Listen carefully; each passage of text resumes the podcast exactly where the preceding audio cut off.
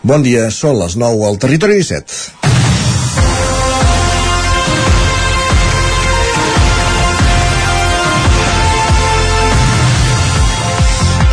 Quan l'equip de la Federació Espanyola va guanyar el Mundial ara fa poc més de 3 setmanes, francament em vaig immutar bastant poc. Sap greu, però sóc d'aquells que és del Barça i de qualsevol equip que jugui contra Espanya.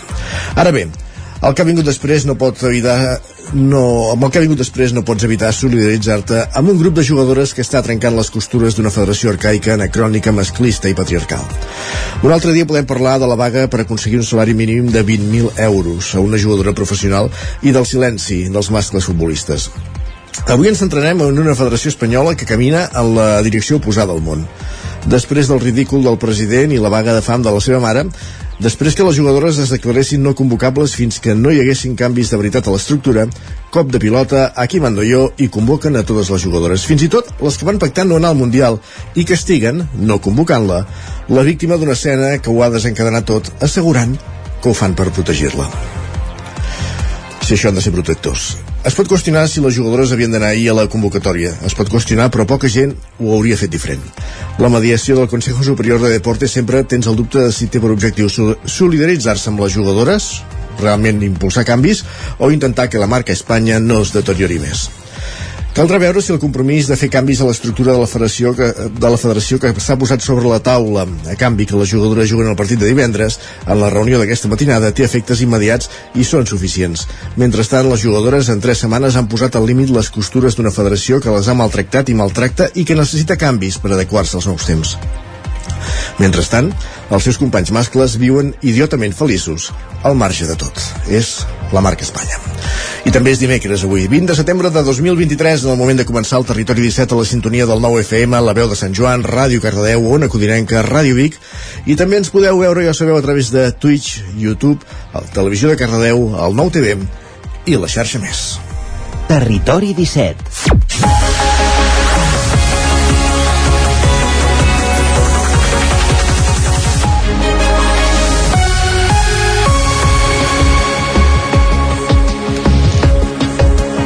Dos minuts i mig que passen de les 9 del matí, en el moment de començar el territori 17 d'aquest dimecres 20 de setembre, el magazín de les comarques del Vallès Oriental, l'Osona, el Ripollès, el Moianès i el Lluçanès, que us fa companyia cada matí durant dues hores des d'ara i fins al punt de les 11. De quina manera? Doncs de seguida avancem al sumari d'aquest matí de dimecres. En aquesta primera mitja hora ens dedicarem a aprofundir en les notícies de les nostres comarques, l'actualitat del territori 17. També anirem fins a una codinenca per saludar en Pep Acosta, el nostre home del temps, i que ens expliqui com avança meteorològicament la jornada després d'una nit amb pluges, poca pluja a les nostres comarques, però, però bé, alguna cosa ha caigut. I també anirem fins al quiosc, amb en Sergi Vives, per repassar quines són les portades dels diaris del dia. A partir de dos quarts de deu, pugem al tren a la Trenc d'Alba amb l'Isaac Muntades, recollint les cròniques dels oferts usuaris de la línia Barcelona Granollers Vic, Ripoll, Puigcerdà i a l'entrevista parlarem de la Fira Alternat, de l'economia social i sostenible que se celebra aquest diumenge a Manlleu i en parlarem amb una de les seves eh, organitzadores, la Betlem Parés de l'Ajuntament de Manlleu. Acte seguit sortirem a l'exterior, com procurem fer cada dia avui amb en Roger Rams des d'una codinenca desplaçat a l'Escola Pia de Caldes de Montbuí per veure com ha començat el curs escolar i com afronten el descens de la natalitat. Un dels aspectes que preocupa en aquest municipi del Vallès Oriental, a les 10 notícies, la previsió del temps i és dimecres a partir d'un quart d'onze, serà moment d'anar fins a Ràdio Vic, de saludar la Laura Serrat i conèixer avui un altre perfil de les persones del, del tercer sector de les nostres comarques, dels que es dediquen a ajudar els altres avui Margarita Oriol. A dos quarts d'onze ens endinsem al món de Twitter com cada matí amb en Guillem Sánchez i acte seguit podcast de llengua. Paraula d'enfruns. Uh, I avui amb la Cristina Enfruns um, repassant, explicant l'origen i l'ús de la paraula podcast, precisament. I acabarem el programa el Lletra Ferits, l'espai que dediquem cada setmana al món de les lletres i dels llibres. Avui amb en Pep Tines, conegut eh, autor teatral, coordinador del Teatre Sirvianum de Torelló, tècnic de cultura de l'Ajuntament de Torelló, i ara premiat als Premis Literaris Call Atenes amb el Premi Lluís Solà de Teatre per l'obra Darrer Viatge. Ara mateix és, tot una, és una peça escrita, com dèiem, premiada, i parlarem amb ell sobre aquesta peça i quines intencions té, si portar-la a escena properament o no. Com dèiem, peptines, la recta final del programa avui, al Lletra Ferits. Aquest és el menú del territori 17 d'avui. Dimecres, 20 de setembre, passen 5 minuts de les 9 del matí i és moment de posar-nos en dansa, com dèiem, amb, repassant les notícies més destacades de les nostres comarques, les notícies del territori 17, les notícies del Vallès Oriental, l'Osona, el Ripollès, el Moianès i el Lluçanès. Territori 17.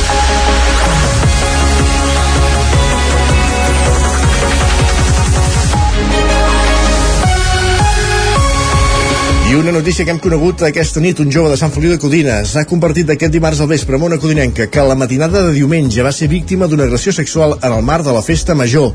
El seu és un dels tres casos que s'han denunciat durant aquesta festa. Gemma Permanyer, Ona Codinenca. En la matinada de dissabte a diumenge es van produir tres agressions sexuals en el marc de la Festa Major de Sant Feliu de Codines. En un comunicat a les xarxes, l'Ajuntament ha confirmat que dues noies han posat denúncia per tocaments i una altra per vexacions. Una de les víctimes, una jove de 20 anys, ha explicat a una codinenca que va posar la denúncia el mateix diumenge i que aquest dilluns s'ha celebrat el judici ràpid. La noia ha volgut compartir el seu testimoni amb la ràdio per animar altres persones en la seva situació a denunciar aquests comportaments. Escoltem-la. Per part d'un noi d'uns 22, 21-22 anys de Castell que va decidir que volia intentar penetrar-me amb un xupa-xup que s'estava menjant em, em volia intentar penetrar pel cul amb força i quan em vaig girar per saber el que havia passat ja que jo estava en xoc em se'l va tornar a posar a la boca amb una mirada fastigosa i, um, i va intentar acusar que havia sigut um, una, altra, una altra persona que ho havia vist no? que estava allà al davant per sort vaig tenir bastants amics que ho van veure i que, i que han pogut declarar com a, com a testimonis del cas però que sí que m'ha fet molt però molt però molt de mal. Ha sigut que hi hagi gent que ho va veure i jo sé que ho van veure i que s'hagin dedicat a dir que aquest noi era molt bon nano, que no havia fet res etc. Aquestes coses fan molt de mal. La víctima agraeix també el suport que ha rebut dels seus amics i de l'alcalde de Sant Feliu de Codines. Per la seva banda, l'Ajuntament afegeix en un comunicat que està acompanyant a les víctimes des del moment dels fets i que s'està seguint el protocol de seguretat contra les violències sexuals en entorns d'oci. Aquest dimecres a la tarda està previst que l'Ajuntament emeti un comunicat en relació a aquests fets. Gràcies, Gemma. Doncs aquest eh, punt d'última hora que portem sobre aquests fets a la Festa Major de Sant Feliu de Codines. Més qüestions. L'Ajuntament de Manlleu busca una solució que acabi amb les incidències a l'ascensor de la plaça Fra Bernadí, que s'espatlla sovint a causa de les bretolades, però també de l'aigua de la font de la Mare de Déu. Sergi Vives. L'equip de govern format per Junts i el PSC s'ha reunit amb l'empresa que se l'encarrega per buscar-hi solució. És el que explicava el regidor de serveis Josep Madrid al ple de Manlleu d'aquest dilluns responent a la pregunta de Roger Saborit d'Aliança Catalana que demanava que es destinés un agent cívic al control de l'ascensor. i es va proposar una actuació d'instal·lar-hi una bomba per tal de poder treure de forma automàtica doncs, eh, la possible aigua doncs, que hi pugui arribar-hi. D'altra banda, s'està treballant amb la possible instal·lació d'una càmera eh, que a més a més faci la feina de, de vigilància. El que no es pot posar ja per qüestions simplement de costos és una persona que es dediqui únicament a vigilar l'ascensor. No? El gran debat del ple va girar l'entorn de la decisió del govern de des desestimar els 69 pisos socials que hi havia previstos a la Teuleria i al carrer Rossinyol. Junts i el PSC van anunciar la renúncia a l'agost després que el ple del juliol aprovés per la via d'urgència el tràmit d'una subvenció dels fons europeus Next Generation per tirar endavant el projecte. Esquerra i la CUP van ser especialment crítics amb la renúncia en els punts que hi estaven relacionats, que van tirar endavant amb els vots a favor del govern, els dos regidors d'Aragent de Manlleu i el representant d'Aliança Catalana. Escoltem a Marta Moreta, regidora d'Urbanisme i Rafa Cuenca d'Esquerra. El consistori reconeix eh, la necessitat de l'habitatge de lloguer Manlleu, només faltaria, ho sabem, i en, i en especial també de l'habitatge públic. Eh, però creiem que això s'havia de definir, planificar i programar seguint unes línies de treball a mig i llarg termini, cosa que no s'ha fet. Des d'Esquerra Manlleu considerem molt greus aquestes decisions, que no tenen en compte la dificultat d'accés a l'habitatge a la nostra ciutat i mostren o bé un absolut desconeixement de la realitat social de Manlleu o bé una línia d'acció legítima, però conservadora, que marca des de l'inici el tarannà de l'equip de govern. Tant la CUP com ara gent de Manlleu van fer referència al torn de pregs i preguntes a la voluntat anunciada per l'equip de govern de perseguir els empadronaments fraudulents al municipi. Els cupaires van demanar quina solució es donaria a les persones que siguin víctimes d'aquests empadronaments irregulars. Des del govern van assegurar que no es nega l'empadronament a ningú i que la campanya serà contundent amb les persones que hi fan negoci. Més qüestions. Endesa comença els treballs a la sud del Molí, a Orís, després que una avinguda d'aigua del riu Ter se l'emportés durant la tardor de 2018. Les obres de reconstrucció permetran tornar a posar en marxa la minicentral hidroelèctrica. Es tractava d'una petita presa que permetia derivar l'aigua cap a una minicentral hidroelèctrica. Ara, després de 5 anys, s'han iniciat les tasques per reconstruir aquest assut, conegut també com l'enclusa de l'Espona. El cabal de més de 700 metres cúbics per segon es va emportar dues terceres parts de l'assut. Ara s'han iniciat unes obres que duraran més d'un any. Que els treballs hagin començat aquest setembre, però, no és una casualitat, ja que s'han hagut de tenir en compte els períodes en què hi ha activitat reproductiva dels peixos, pels quals també es farà una rampa. En parla la tècnica d'obra civil d'Endesa, Elisabet Buscallà. Mirar de buscar les finestres de temps de l'any doncs que no hi hagi molta activitat de reproducció de, de la fauna piscícola. Llavors, doncs, per això hem de treballar doncs, ara al setembre i després també al mes de març, que és quan hem de poder fer les feines que estem en contacte amb l'aigua del riu. Al marge esquerre s'ha dissenyat una rampa de peixos que és de flux ascendent i ens servirà perquè els peixos puguin tenir connectivitat fluvial, no? d'aigües avall de la sud i aigües amunt. Paral·lelament a les obres s'ha de netejar i desembossar tota la vegetació del canal per poder posar en marxa la minicentral amb una potència instal·lada de 0,8 megawatts. Toni Morillas, el tècnic responsable de la central hidroelèctrica. Quan s'hagin fet ja la primera fase, doncs probablement puguem posar aigua o omplir el canal amb càrrega, no? I el que hem de fer nosaltres és adequar i preparar la instal·lació, tant la part eh, mecànica com la part elèctrica, perquè després de 5 anys parada, evidentment, doncs tot està com està, no? S'ha d'adequar. I aquesta minicentral hidroelèctrica també té un valor històric. Va ser la primera d'Osona que abastia d'electricitat Manlleu i Torelló. Viladrau farà una consulta popular per decidir on ubica les oficines municipals, és a dir, l'Ajuntament. El nou govern de Sumem per Viladrau Esquerra vol que sigui a les escoles velles i els independents que governaven el consistori el mandat passat opten per Cancià. Quin vols que sigui l'emplaçament de l'Ajuntament de Viladrau? Aquesta serà la pregunta que hauran de respondre els veïns i veïnes del municipi el proper 22 d'octubre. L'actual alcaldessa Margarida Feliu recorda que ja van prometre, quan es van presentar les eleccions, que, que ho consultarien els veïns. Fa dos anys, quan es van començar aquestes obres, eh, van haver-hi 200 i pico persones que van presentar al·legacions dient, escolta, ens sembla molt bé que s'arreglin els edificis, però ens agradaria que l'Ajuntament estigui aquí. Eh, quan s'ha fet també l'aprovació inicial de Can Ciat, doncs va, també haver-hi al·legacions, per tant, eh, ho teníem en el programa electoral i és el que farem. La consulta serà el 22 d'octubre de forma presencial.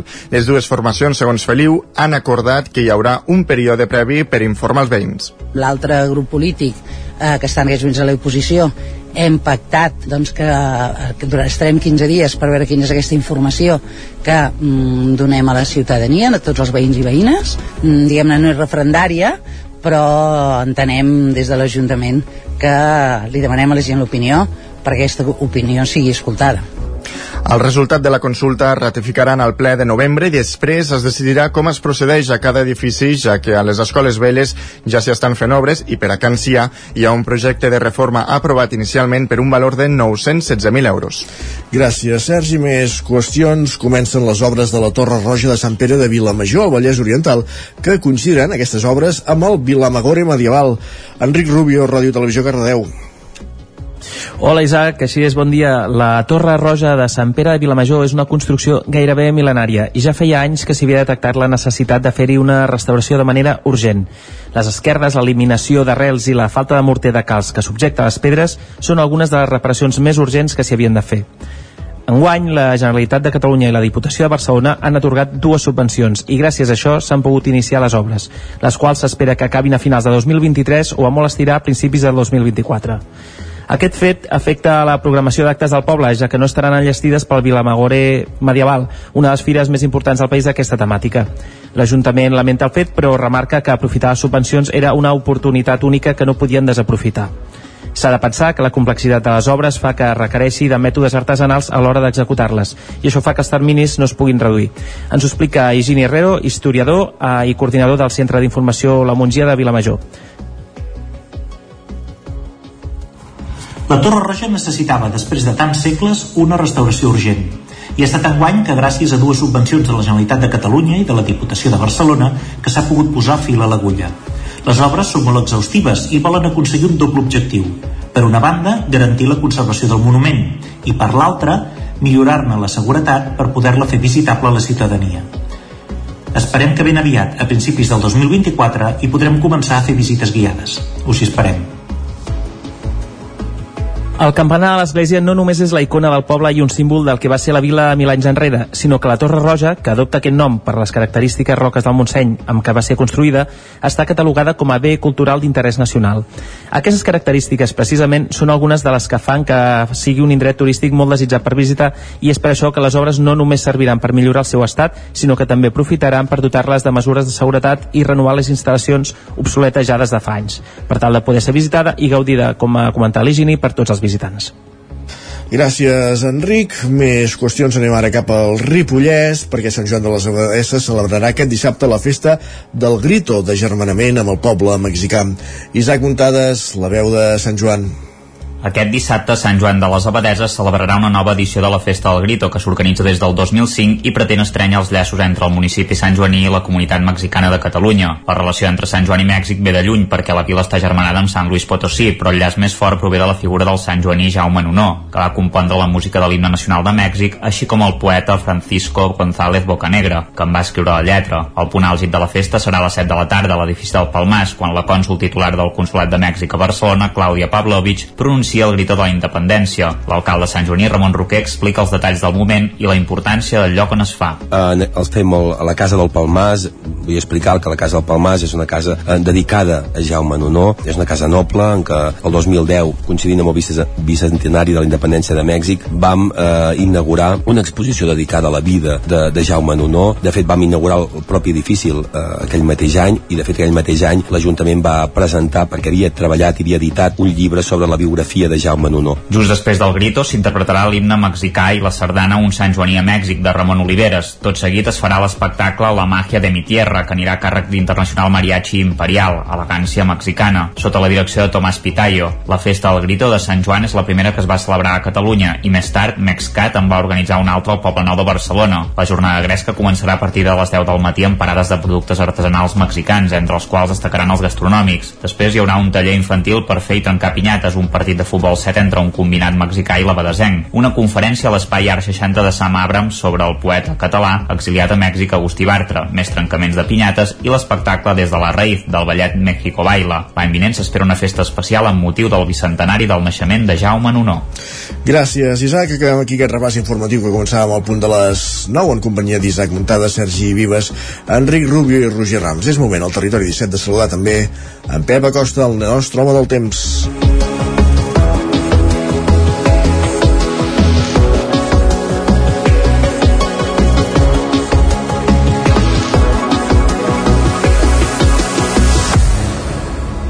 Un home del temps que l'anem a pescar cada dia a una codinenca i allà és on ja ens espera.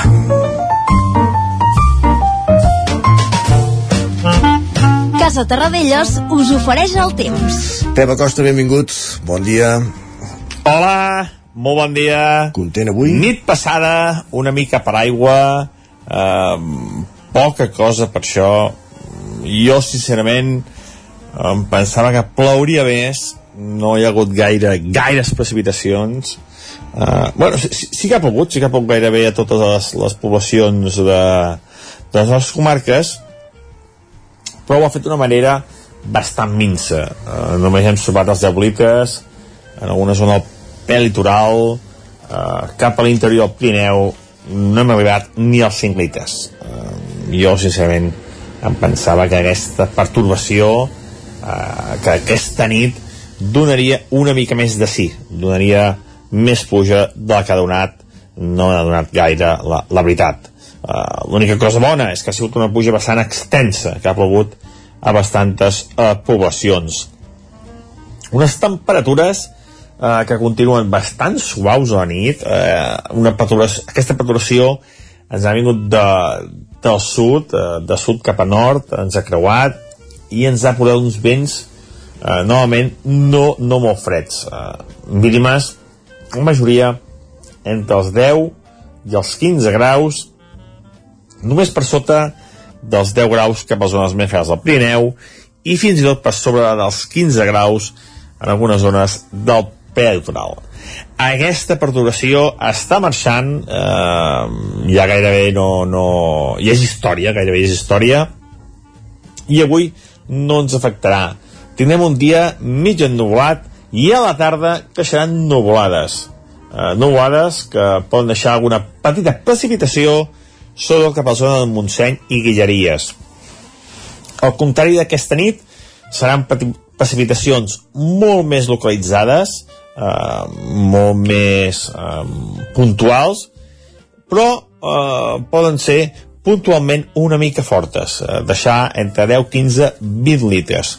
Sobre d'això, zona del Pirineus, ai, zona, perdó, del Montseny i de les Guilleries. Aquesta zona és on més, és més probable que caiguin aquestes precipitacions tot i que poden caure a qualsevol eh, comarca de, nos, de, de, les, de les nostres i en qualsevol població però també és possible que no caigui ni una gota en lloc, eh? per tant és, és una mica d'inestabilitat però que no, no és general ni de bon tros.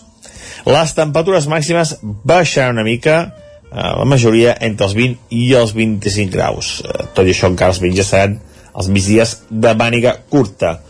Vents febles de direcció eh, variable predominant la, la direcció de sud eh, que això fa que la temperatura encara no baixi que es mantingui aquests valors força alts pel mes de setembre i això és tot de cada pocs dies sembla que farà més sol i que la temperatura augmentarà encara més eh, de moment no es veu la tardor eh, la fresca per enlloc moltes gràcies, adeu doncs la desitgem la fresca una mica, Pep. Parlem d'aquí una estoneta, va, fins ara.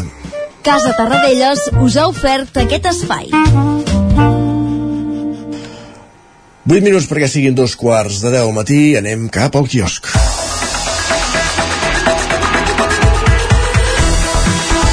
És moment de repassar les portades dels diaris del dia. Sergi Vives, què hi trobem avui?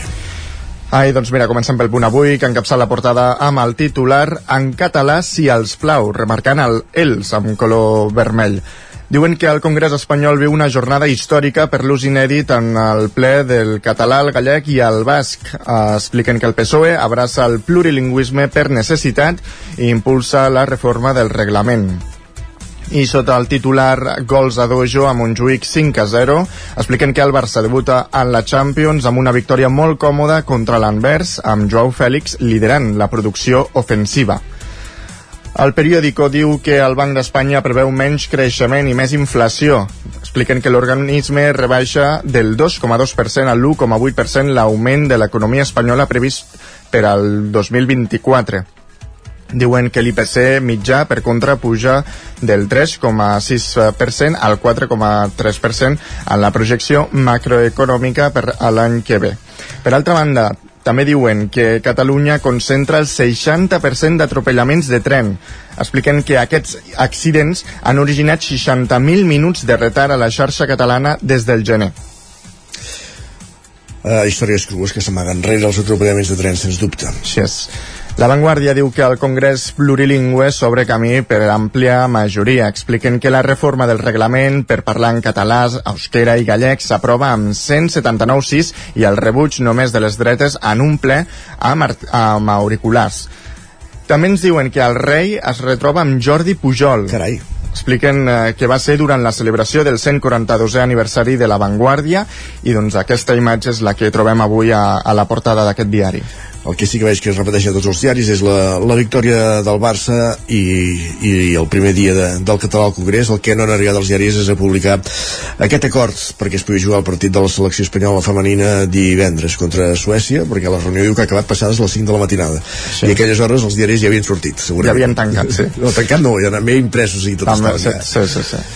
Um, L'Ara ens diu que el català uh, ja es parla al Congrés. Expliquen que el ple que aprovarà el canvi de reglament comença prenent l'ús de totes les llengües oficials de l'Estat. Expliquen que la votació perquè també sigui oficial a la Unió Europea s'ajorna i Espanya planteja prioritzar el català, el gallec i l'eusquera i destaquen la intransigència de Vox. Expliquen que els diputats eh, de l'extrema dreta doncs, van abandonar ahir l'hemicicle al sentir parlar en un idioma diferent del castellà i van deixar els seus aparells d'interpretació simultània a l'escó de Pedro Sánchez. Abans, des del PP, ja s'havia intentat infructuosament aturar el ple. D'això se'n diu presumir d'ignorància. I clar... Tant no que sé... defensen Espanya... Sí, i, sí. Bueno, No, no sé si és de les millors coses del quals pots presumir, de la ignorància, però fi, sí, sí. allà ells.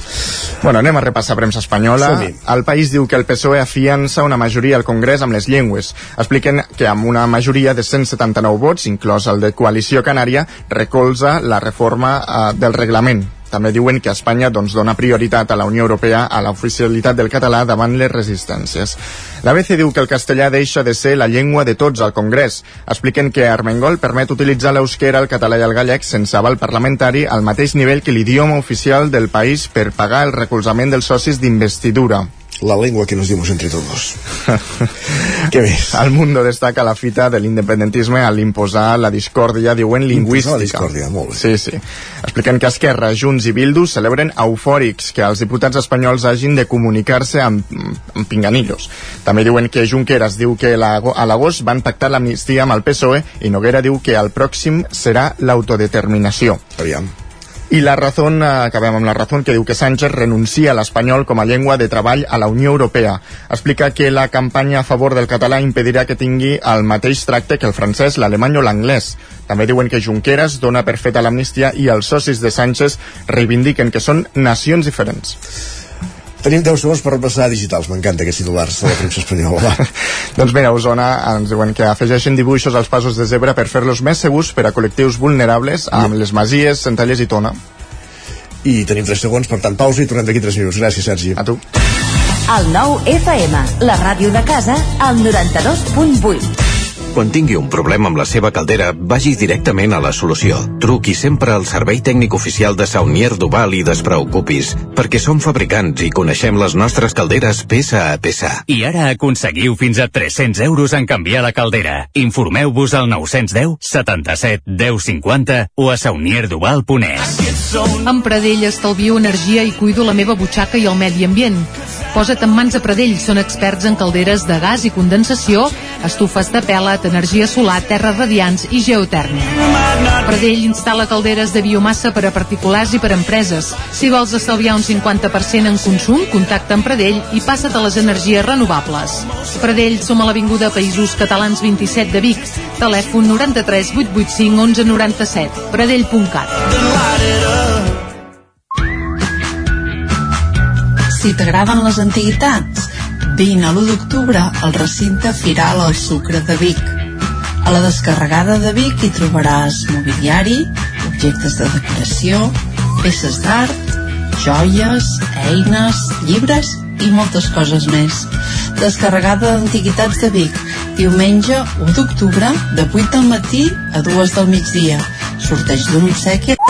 Per moure't, lloga un cotxe ALR. Per moure la família, lloga un minibús ALR. Per moure coses, lloga una furgoneta ALR. Per moure la casa, lloga un camió ALR. Lloguer de cotxes, furgonetes i camions ALR. Ens trobaràs al carrer Francesc Sant Climent 83 de Vic i també a Olot i Manresa. Informa't en el 93 888 60 57 o bé consulta el web alr.cat.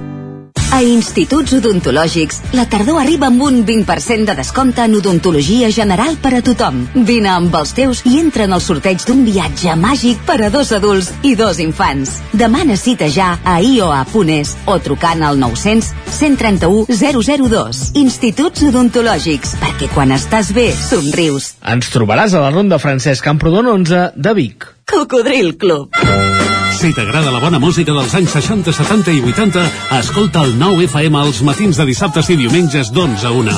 És el temps del Cocodril Club, tot un clàssic de la ràdio, amb les bases del pop-rock, les llegendes, les cançons que s'han convertit en autèntics himnes. Recorda, dissabtes i diumenges al matí, d'11 a 1, al 9 FM 92.8. Cocodril Club, el programa revival de l'Albert Malla. Hasta luego, cocodrilo.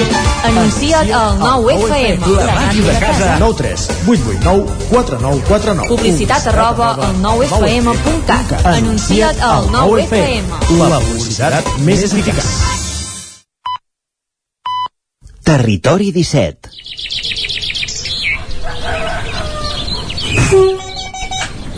A Tren d'Alba. Cada dia els usuaris i usuàries de la línia R3 de Rodalies que veuen sortir el sol des d'un vagó ens expliquen les gràcies i les penes del primer comboi que uneix Ripoll i Barcelona o les feixugues jornades amb el tren després de treballar.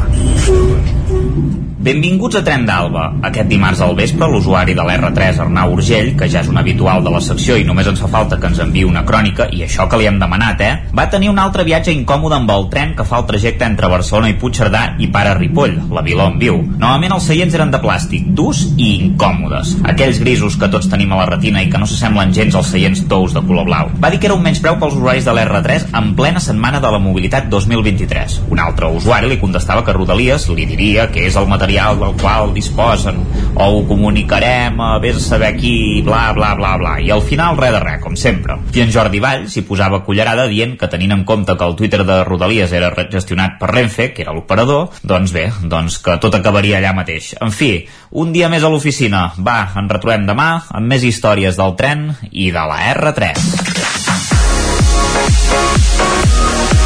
Territori 17. Minut i mig que passa de dos quarts de del matí.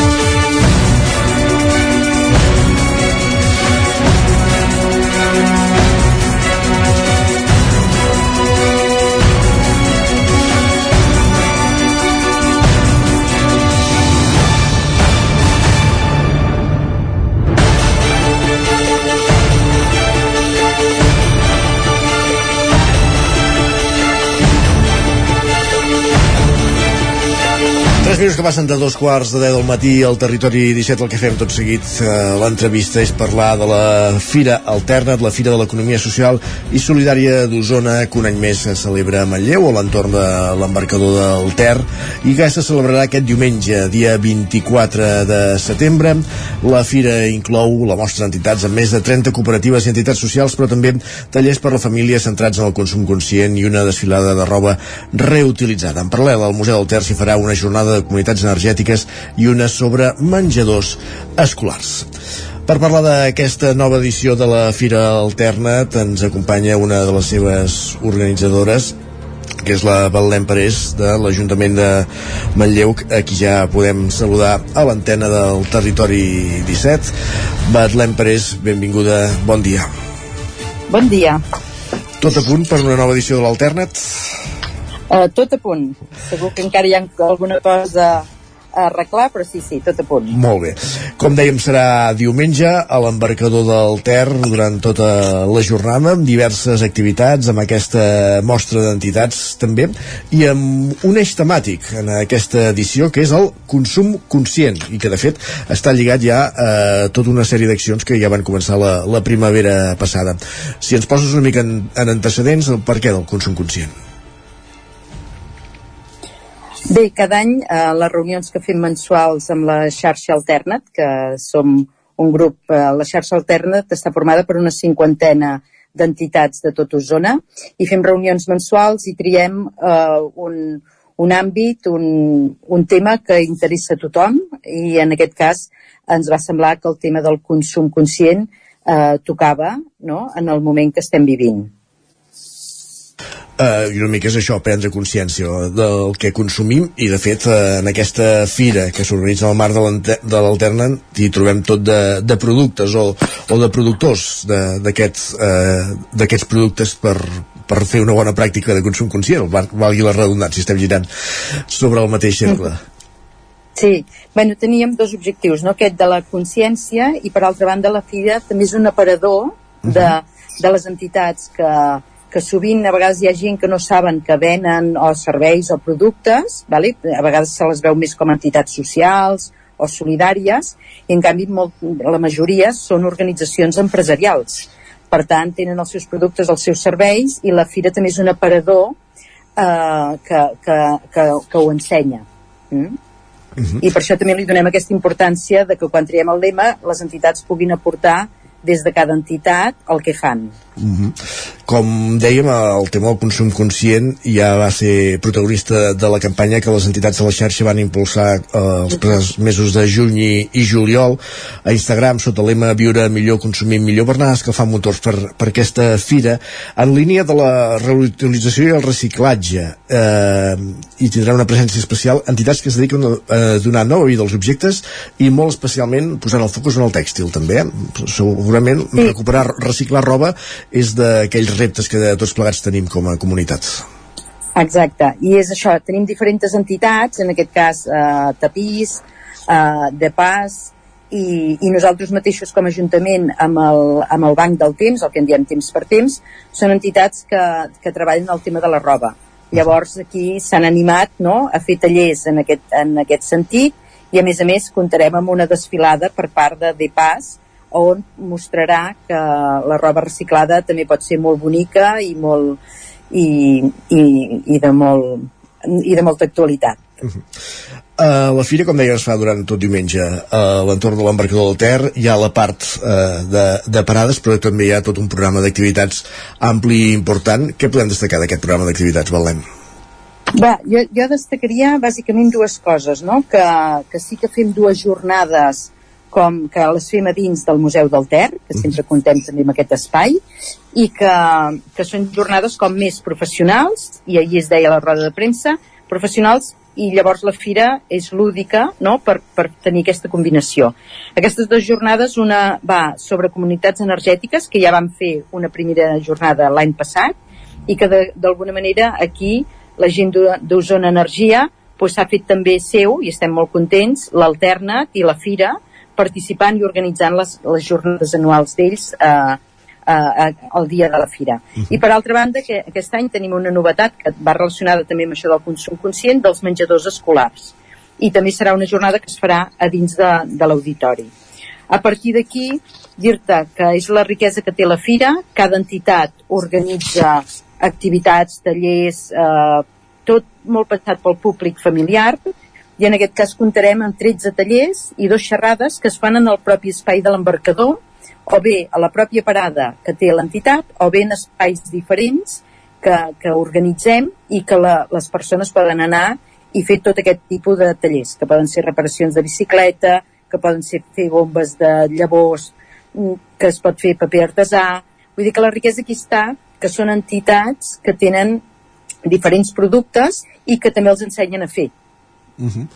Uh, estem parlant d'aquesta fira de l'economia social d'Osona, l'Alternat, que ja fa anys que, que s'organitza, que organitza aquesta xarxa de l'economia social d'Osona, que mica en mica va, va fent forat dins la societat osonenca. No sé si el ritme que, que voldríeu des de les entitats o els promotors d'aquesta economia social, d'aquesta consciència que hem de prendre tots plegats en, en aquest àmbit. Sí, jo penso que mm, sempre una xarxa oberta eh, que volem qui participi i que realment li ve de gust participar. I en aquest eh, sí que vam començar segurament unes 15-20 entitats, actualment ja som 50, amb una participació més activa o més passiva, però qui són, perquè llavors quan a vegades, clar, no només fem la fira, fem diferents coses al llarg de l'any, llavors actualment som unes cinquantena d'entitats Llavors, és això, és més, és més important per nosaltres que si ets a l'alternat és perquè et ve de gust, perquè pots, perquè... que, que si en, pel motiu que sigui, de moment no vols ser a l'alternat perquè ja tens el teu camí. Uh -huh. I per això el creixement no, no és una cosa que ens preocupa. El que sí veiem és que aquestes organitzacions, tal com et deia abans, abans es veien molt com socials a vegades, actualment i per les diferents polítiques a nivell de Catalunya i a nivell europeu, s'està posant molt en valor aquesta nova economia també que, que, que diguem, participa de tota l'economia de, dels territoris. Uh -huh. uh, ahir, com bé apuntaves, es feia aquesta roda de premsa de, de presentació de, de la Fira Alternat on s'hi presentaven diverses propostes, entre d'altres, per exemple, eh, la, les iniciatives de la Fundació Tacuzon a l'entorn de, de Sant Tomàs o de la cooperativa Sant Bucus de, de Manlleu. Les entitats d'economia social, eh, quin tipus de, de producte eh, treballen? Abans parlàvem del reciclatge de roba, però entenem que també l'alimentari és important, eh? Molt. És que és de tot tipus. És que el que l'hem de veure és com un sector que no és sector, sinó que és un àmbit molt transversal, perquè, i aquesta és la campanya que també vam fer, no? tant de serveis com de productes alimentaris, que és important, eh? tenim el Mengem Osona, tenim els pagesos forners, tenim eh, els de la llavor de Roda de Ter, no? que tracten les llavors, vull dir que, que, són, que sí que hi ha tota la part agroalimentària, però penseu que també hi ha la Fundació Trueta, que té diferents projectes, tenim Suara, que en el territori d'Osona està gestionant una escola bressol, eh, tenim els propis de dies d'agost, no? que és una cooperativa de comunicació, per tant, és que l'hem de veure que no és un sector, sinó que és un àmbit transversal de tot allò que podem trobar en l'economia, digue-li, normal, val? Eh, tot aquest àmbit i que és empresarial, que també és economia. I per això a nosaltres ens agrada parlar que treballem pel desenvolupament local de l'economia plural no? que tenim en els territoris i que inclou tot tipus de, de, de, de tipus d'empresa tant que siguin més mercantilistes com que siguin cooperatives o que siguin associacions però que tenen activitat empresarial. Ara que esmentaves el, el fet del, del tipus d'empresa, un dels representants de d'ahir, que també era la roda de premsa, l'Hermen Llobet, que venia en representació d'Osona Energia, però que també és regidor de l'Ajuntament de Sant Pere de Trolló, destacava aquest fet precisament, que Sant Pere celebren el centenari d'una cooperativa de, de consum i que per, per tant el moviment cooperatiu o l'economia social en certa manera no és una nova tendència d'ara, sinó que, que, que hi ha gent que fa molts anys que, que hi pedala, diguéssim, no? Sí, sí, eh, molts, molts anys.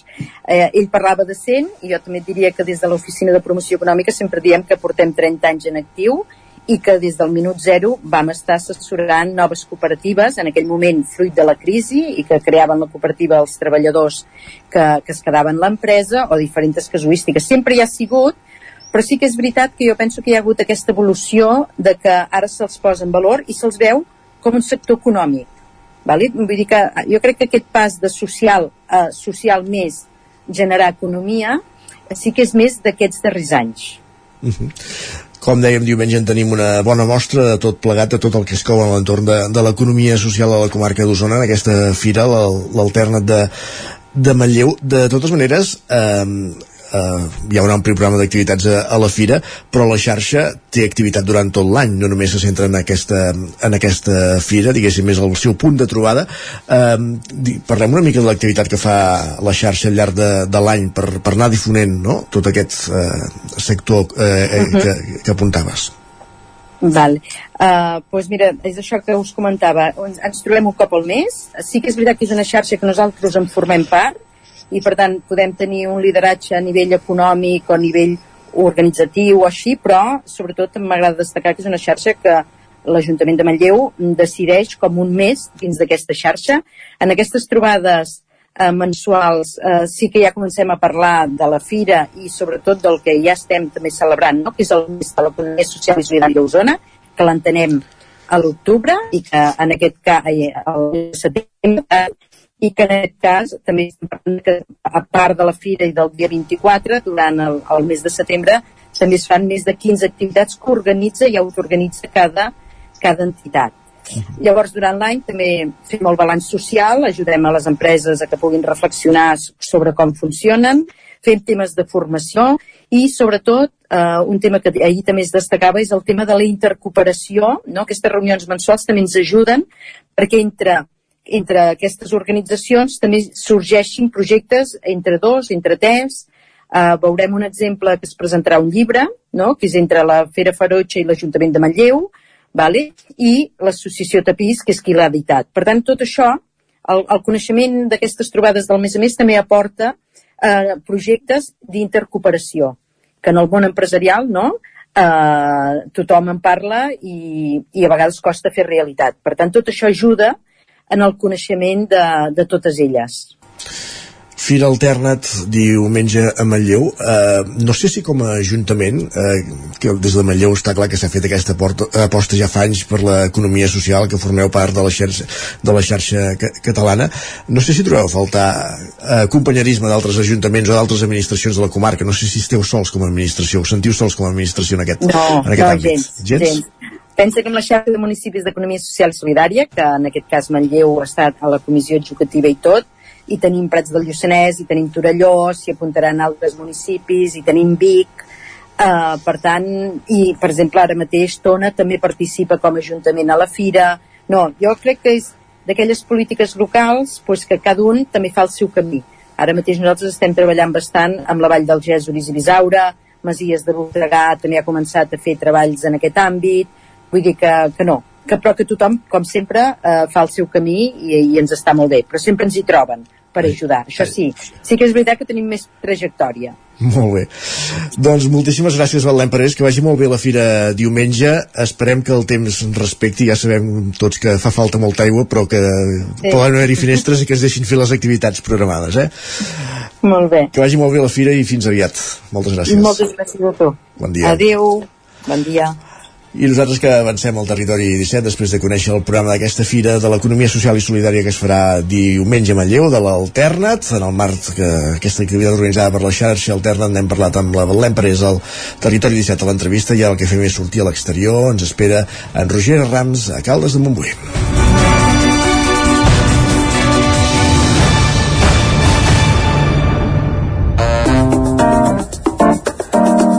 Territori 17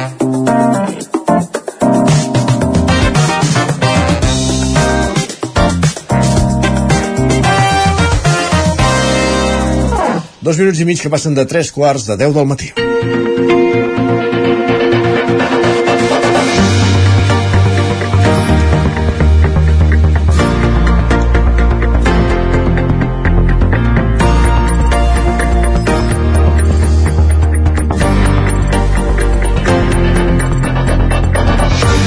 Sortim a l'exterior com fem cada dia avui per anar fins a Caldes de Montbui a l'escola Pia. Volem saber com ha començat el curs en aquest centre però també com s'afronta des d'un centre escolar el descens de la natalitat.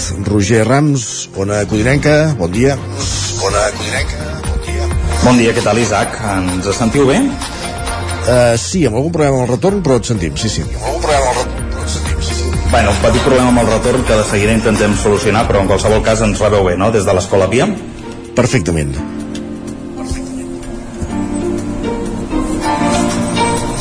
Perfecte, doncs com, com dèiem Isaac, avui hem volgut venir aquí a l'Escola Pia de Caldes de Montbui per copsar com ha començat aquest curs eh, escolar, ara que porten ja una setmana en marxa, i per això ens acompanya l'Eva Maria Costafreda, que és la directora de l'Escola Pia de Caldes de Montbui. Bon dia, Eva. Bon dia. Què tal? Com, com ha començat aquest curs escolar aquí a, a l'Escola Pia de Caldes?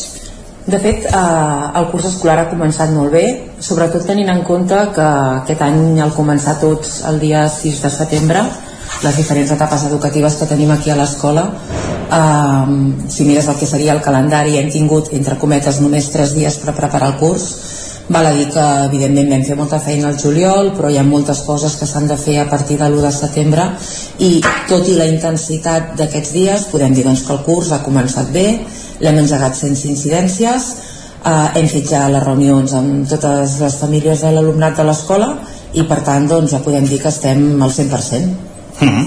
uh, enguany una mica el, el, la problemàtica que us heu trobat que de fet ja ve de, de fa molts anys és aquest descens de la natalitat que està provocant no, que cada cop doncs, hi hagi menys matriculacions a, a les escoles.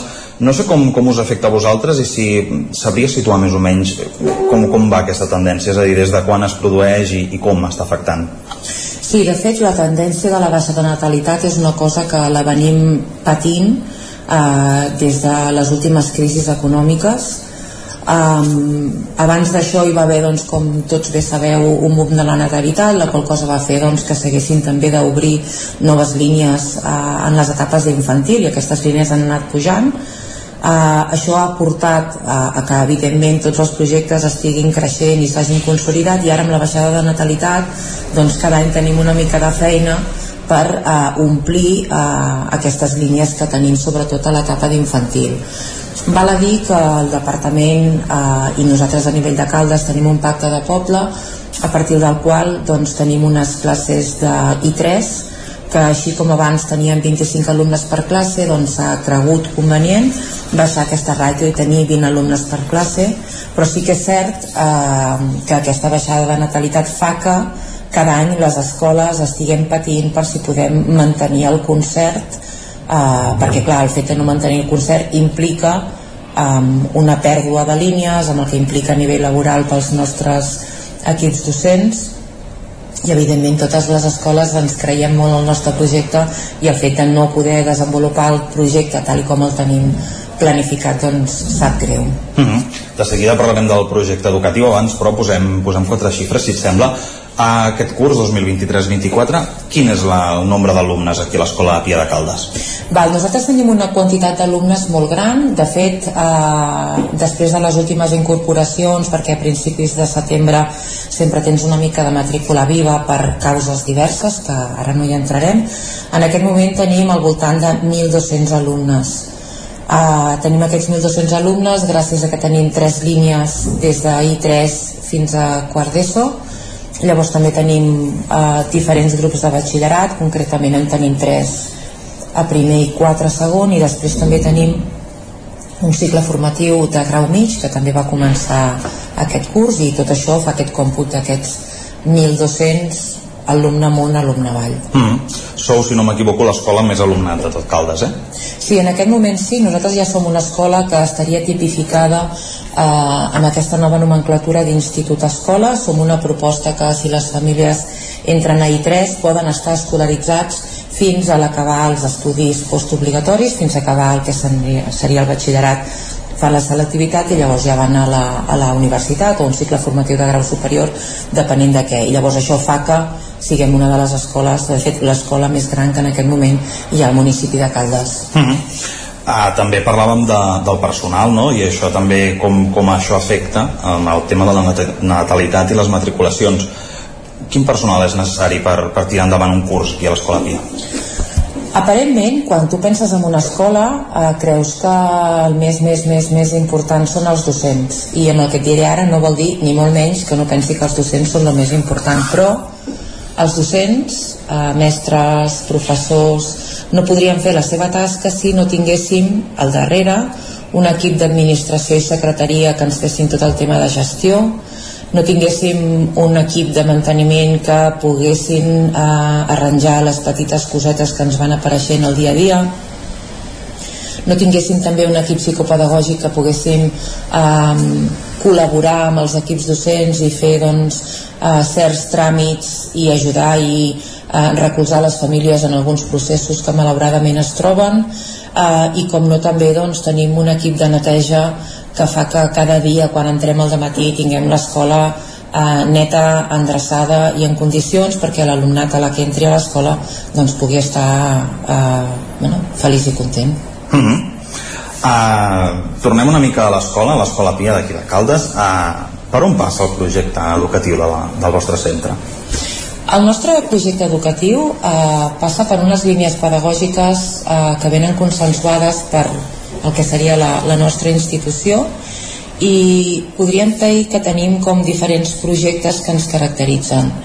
Un de, pels quals ens coneixen més és el projecte Sumem, que és un projecte que nosaltres ja fa molts anys que l'estem duent a terme, és un projecte que el que ens està portant és a treballar a través de grups cooperatius el que en diem projectes interdisciplinars, projectes que se'ls plantegen a l'alumnat eh, un repte o, o el plantejament de, de un, diferents preguntes eh, a partir de les quals ells, a partir de la investigació i utilitzant doncs, eh, tota la metodologia que hi ha inherent a aquest projecte, han d'acabar resolent.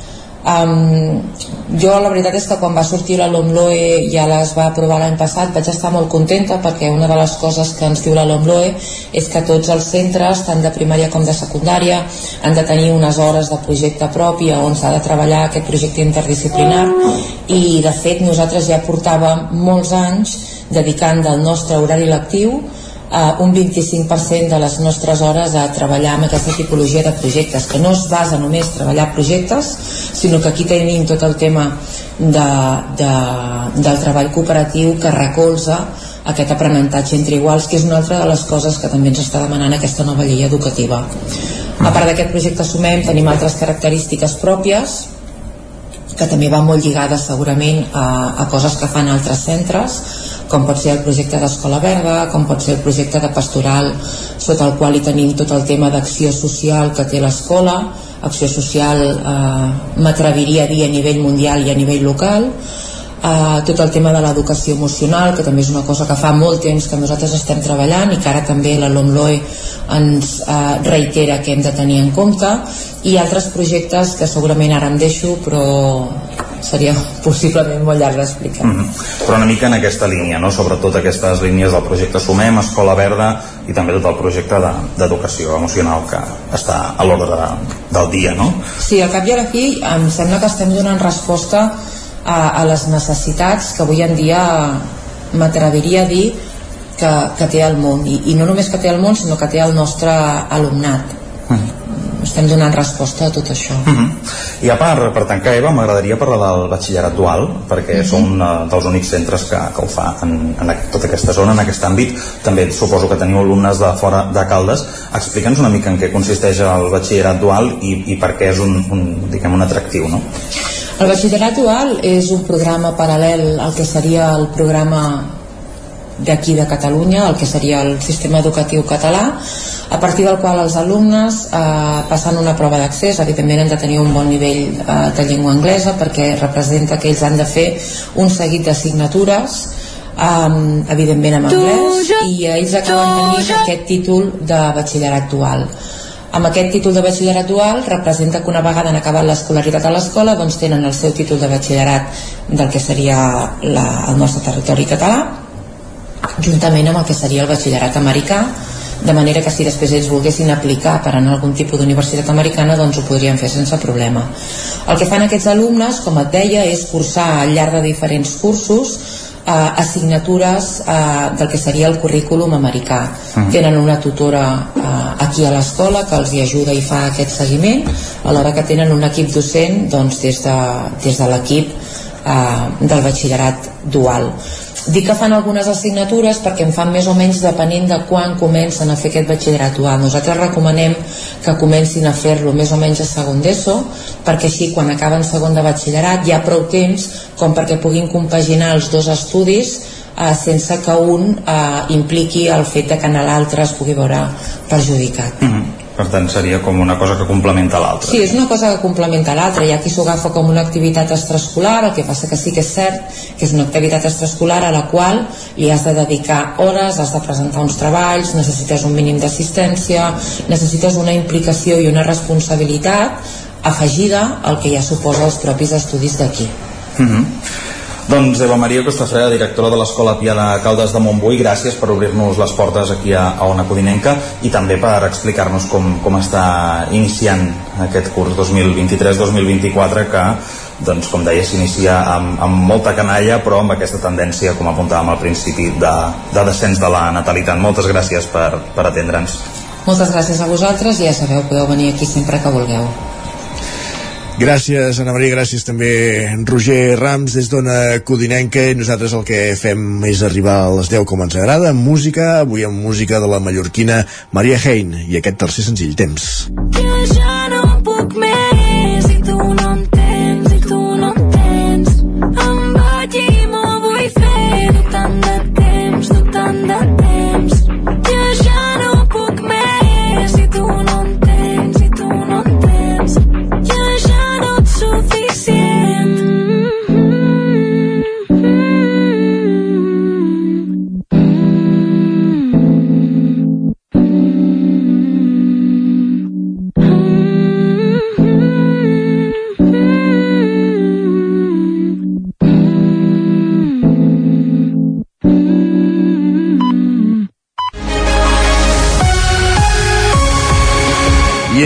Moment al territori 17 de posar-nos al dia, d'actualitzar-nos amb les notícies més destacades de les nostres comarques, el Vallès Oriental, l'Osona, el Ripollès, el Moianès i el Lluçanès, i ho fem en connexió, com cada dia, amb les diferents emissores que dia a dia fan possible aquest programa. Ràdio Cardedeu, Ona Codinenca, la veu de Sant Joan, Ràdio Vic, el 9FM, i ens podeu veure també a través de Twitch, YouTube, Televisió de Cardedeu, el 9TV i la xarxa més.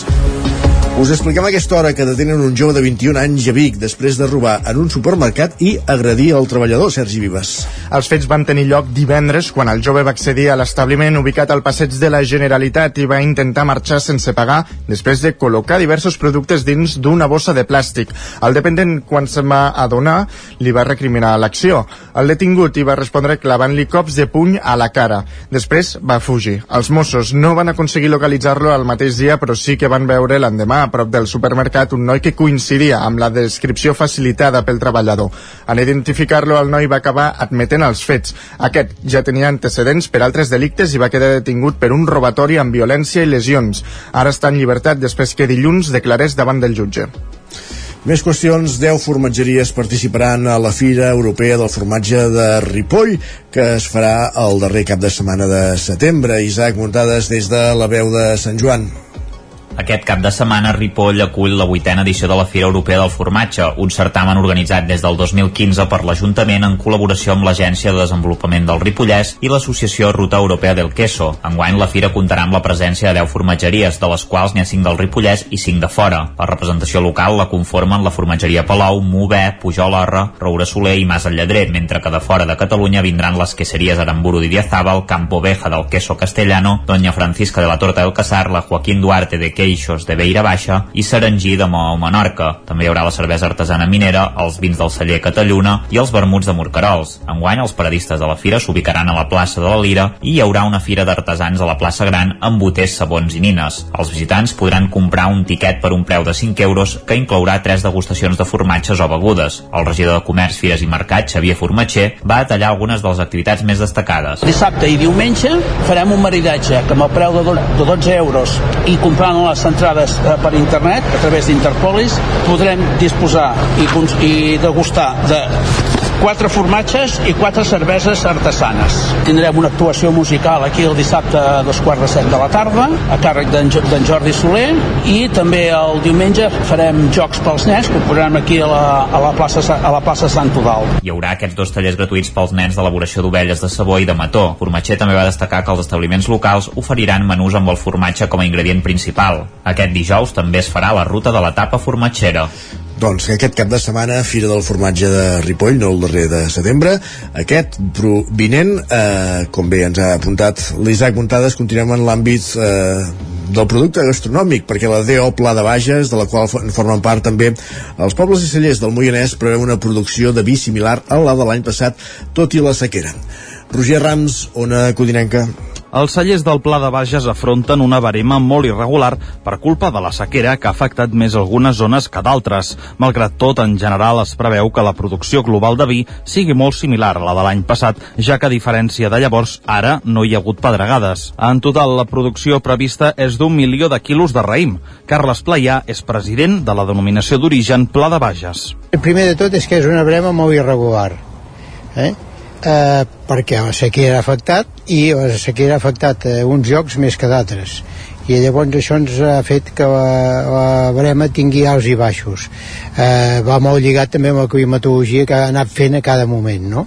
La calor de finals d'aquest mes d'agost ha fet accelerar el procés de maduració del raïm i la barema s'ha hagut d'avançar uns 10 dies.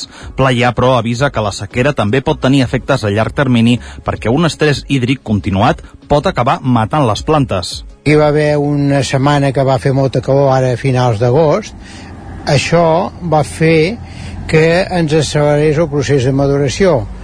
Eh, normalment, si no hagués sigut aquesta setmana, anàvem a fer les dates de Brema com cada any aproximadament i en canvi aquesta setmana va fer que ens avancés pràcticament una setmana, uns 10 dies. Precisament el canvi climàtic ha fet que molts cellers apostin per incorporar el rec a la vinya, no només per la sequera, sinó també per controlar la temperatura de la terra. També s'han convertit en un imprescindible a la vinya els tancats per tal d'evitar els estralls de la fauna cinegètica, sobretot de porcs senglars i de cabirols. Gràcies, Roger. Més qüestions. Jordi Ferrer, obrim plana cultural, d'origen berguedà i vinculat a Vic, i Jordi Salvans, de Viladrau, han guanyat els guardons principals dels Premis Literaris de Call d'Atena, Sergi. El certamen que arribava a la 44a edició ha rebut 370 obres comptant totes les categories.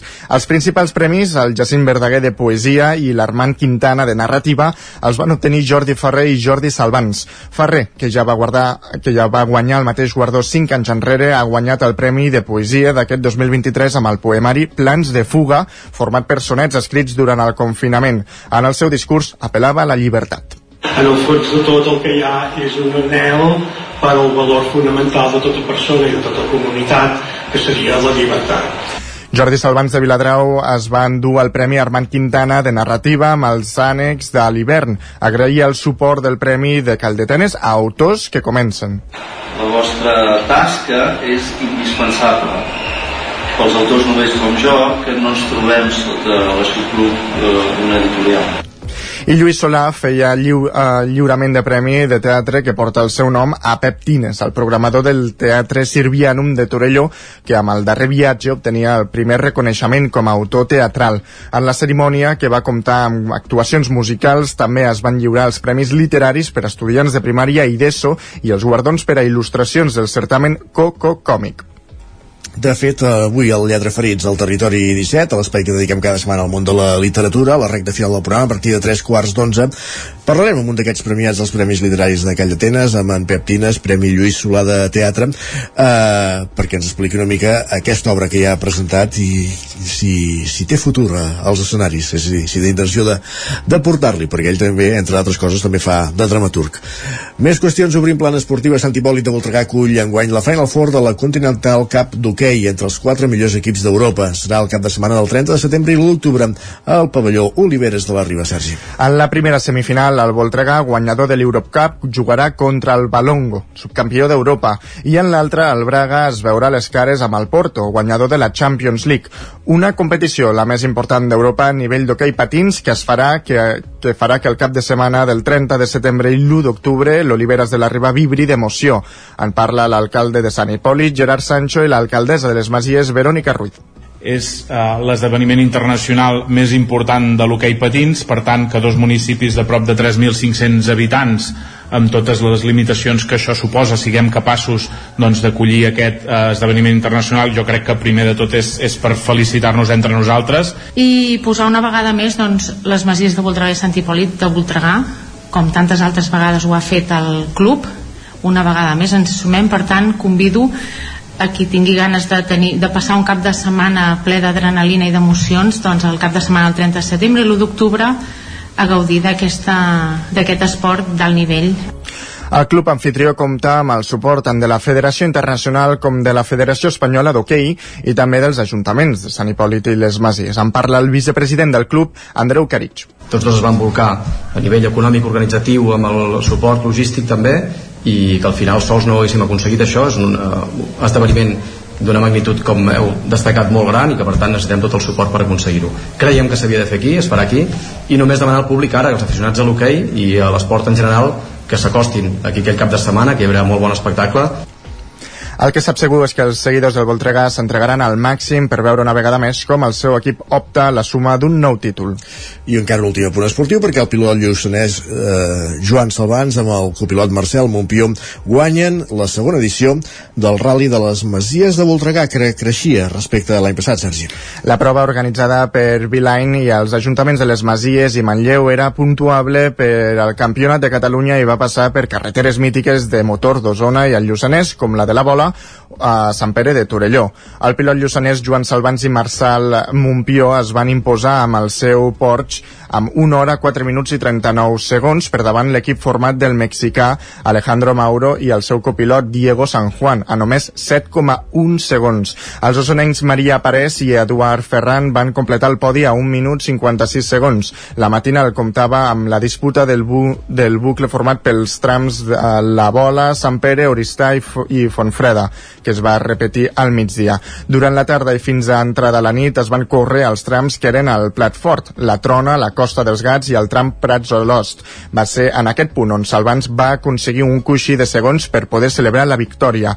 Un altre dels focus d'atenció va ser la modalitat regularitat, en què l'equip format per Carles Miró i Ivan Matavacas es va emportar la victòria de manera contundent. José Luis Moreno i Isidre Noguera van ser els millors en la modalitat regular, regularitat esport. Gràcies, Sergi. I un últim punt per explicar-vos que Ràdio Televisió de Cardedeu inicia una nova temporada i l'encara amb novetats i canvis en molts dels seus espais. Enric Rubio, Ràdio Televisió Cardedeu. Bon dia, així és. Comença una nova temporada i Ràdio Televisió Cardeu no ha volgut quedar-se enrere.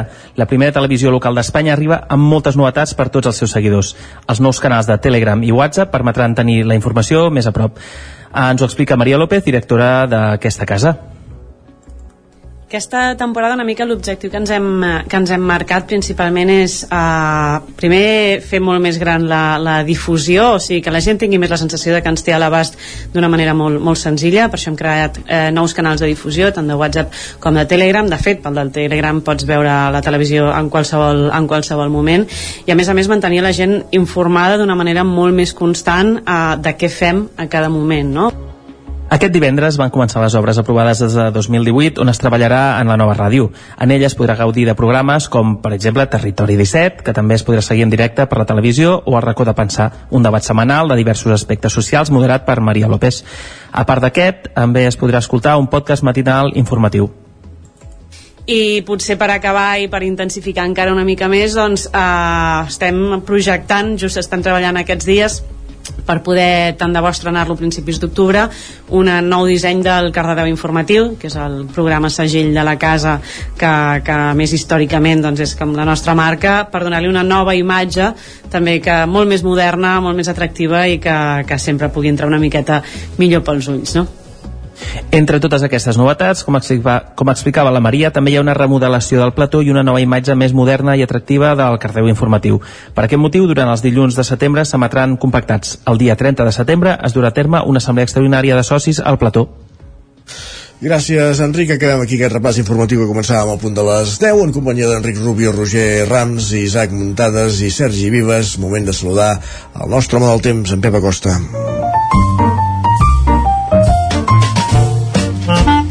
Casa Terradellos us ofereix el temps. Pep, com evoluciona la setmana meteorològicament parlant? Aquesta perturbació està marxant, eh, ja gairebé no, no... ja és història, gairebé és història, i avui no ens afectarà. Tindrem un dia mig ennublat i a la tarda creixeran nuvolades. Eh, nuvolades que poden deixar alguna petita precipitació sobre cap a la zona del Montseny i Guilleries. Al contrari d'aquesta nit, seran precipitacions molt més localitzades, eh, molt més eh, puntuals, però eh, poden ser puntualment una mica fortes, eh, deixar entre 10, 15, 20 litres. Sobre d'això, zona del Pirineus, ai, zona, perdó, del Montseny i de les Guilleries. Aquesta zona és on més, és més probable que caiguin aquestes precipitacions tot i que poden caure a qualsevol eh, comarca de, de, de, les, de les nostres i en qualsevol població però també és possible que no caigui ni una gota enlloc, eh? per tant és, és una mica d'inestabilitat però que no, no és general ni de bon tros les temperatures màximes baixaran una mica la majoria entre els 20 i els 25 graus. Eh, tot i això encara els 27, els migdies de màniga curta. Vents febles de direcció eh, variable, predominant la, la direcció de sud, eh, que això fa que la temperatura encara no baixi i que es mantingui aquests valors força alts pel mes de setembre.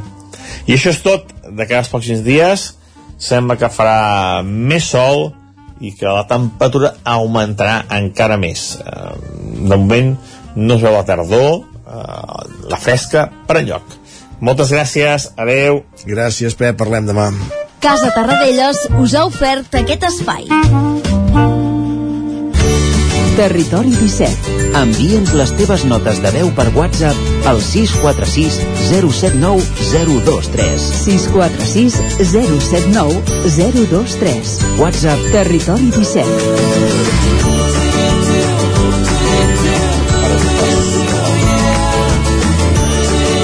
Territori 17. Som a Facebook, Twitter i Instagram amb l'usuari Territori 17.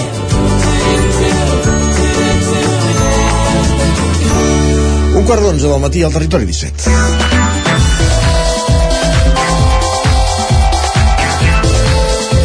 Moment d'anar fins a Ràdio Vic, que ja ens espera una setmana més la Laura Serrat amb els solidaris, amb aquesta secció que dediquem setmanalment a les entitats del tercer sector de les nostres comarques i avui ens fixem en un perfil, amb el perfil de la Margarita Oriol.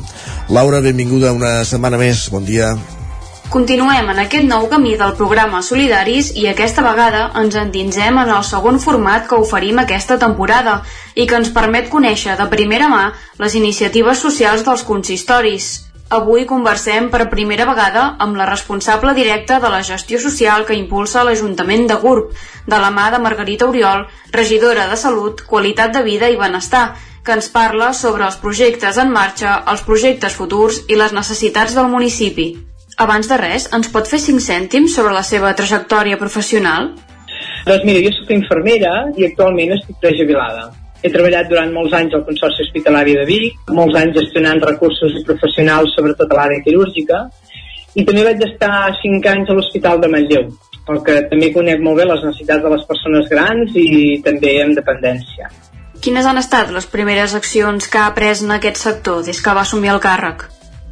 Bueno, jo volia explicar una mica que hem de tenir present que les eleccions municipals van ser el 28 de maig i es va constituir els ajuntaments el 17 de juny. Per tant, amb l'estiu al mig, de moment estic en procés de posar-me al dia de la regidoria de Salut, Qualitat de Vida i Benestar de l'Ajuntament i, per tant, anem fent passets, no?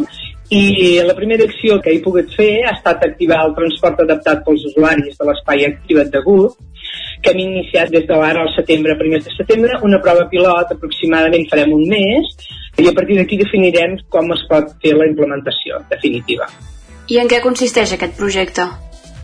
Aquest projecte és, és un projecte que ja està demandat pels usuaris de l'espai activa durant ja, ja, ja fa bastant temps, que és el trasllat en un transport adaptat, perquè tenim usuaris doncs, amb, amb mobilitat reduïda i tenim usuaris que van amb cadira de rodes, per exemple, i hem intentat fer un transport adaptat, anar-los a buscar i tornar-los al migdia per poder anar a l'espai activat.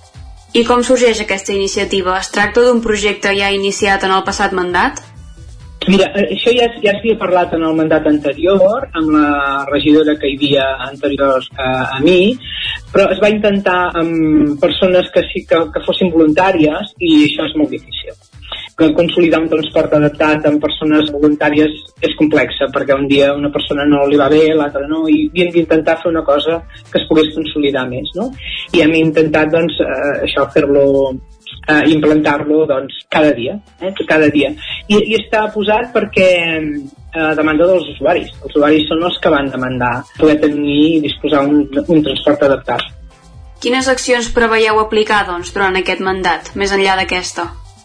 Aquesta, deixar-la consolidada, eh? perquè ara ja hem dit que era una prova pilot, deixar-la consolidada pels, pels usuaris que, que tenen la necessitat, i a més a més tenim unes places eh, públiques de l'espai activat que estan concedides, que són el 50% de les que tenim disponibles, que seran del SAIAR, que és el Servei d'Atenció Integral en l'àmbit rural. Aquest servei està previst per la cartera de serveis socials però està, està pendent de desplegament i s'adreçarà a les persones més grans de 65 anys en l'àmbit rural per atendre les necessitats assistencials que tinguin en el seu entorn habitual o en un entorn adequat. Vale? I els seus objectius són facilitar aquests serveis assistencials a domicili o en aquests centres com, com pot ser l'espai activat. Quines col·laboracions ha establert amb altres institucions o organitzacions en l'àmbit social des que va assumir el càrrec? Eh, De moment tenim col·laboracions amb altres institucions, sobretot perquè l'Ajuntament de Gurb està adherit al Consorci d'Osona de Serveis Socials, que és un consorci que està format per municipis d'Osona i del Lluçanès, que presta serveis d'acció social públics i de qualitat. Si no recordo malament, crec que ara hi ha uns 40 municipis adherits. I la finalitat d'aquest consorci és garantir l'accés universal en els serveis socials, com un dret universal per la igualtat d'oportunitats i que hi hagi un progrés social a totes les persones d'aquests municipis. I durant aquests dos propers anys la regidoria de, de grup de salut assumirà la vicepresidència de- d'aquest consorci. Per tant, és una col·laboració molt, molt estreta, aquesta institució. Quines creu que són les necessitats més urgents de la seva comunitat? Bueno, en podria dir moltes, però, per exemple, ara que tenim el, el dia, no, és com afrontar la despesa energètica. Moltes famílies és, eh, és dificultós poder afrontar això, eh? Amb el temps que, que ens va canviant a l'estiu amb la calor i a l'hivern amb el fred és, és difícil, no?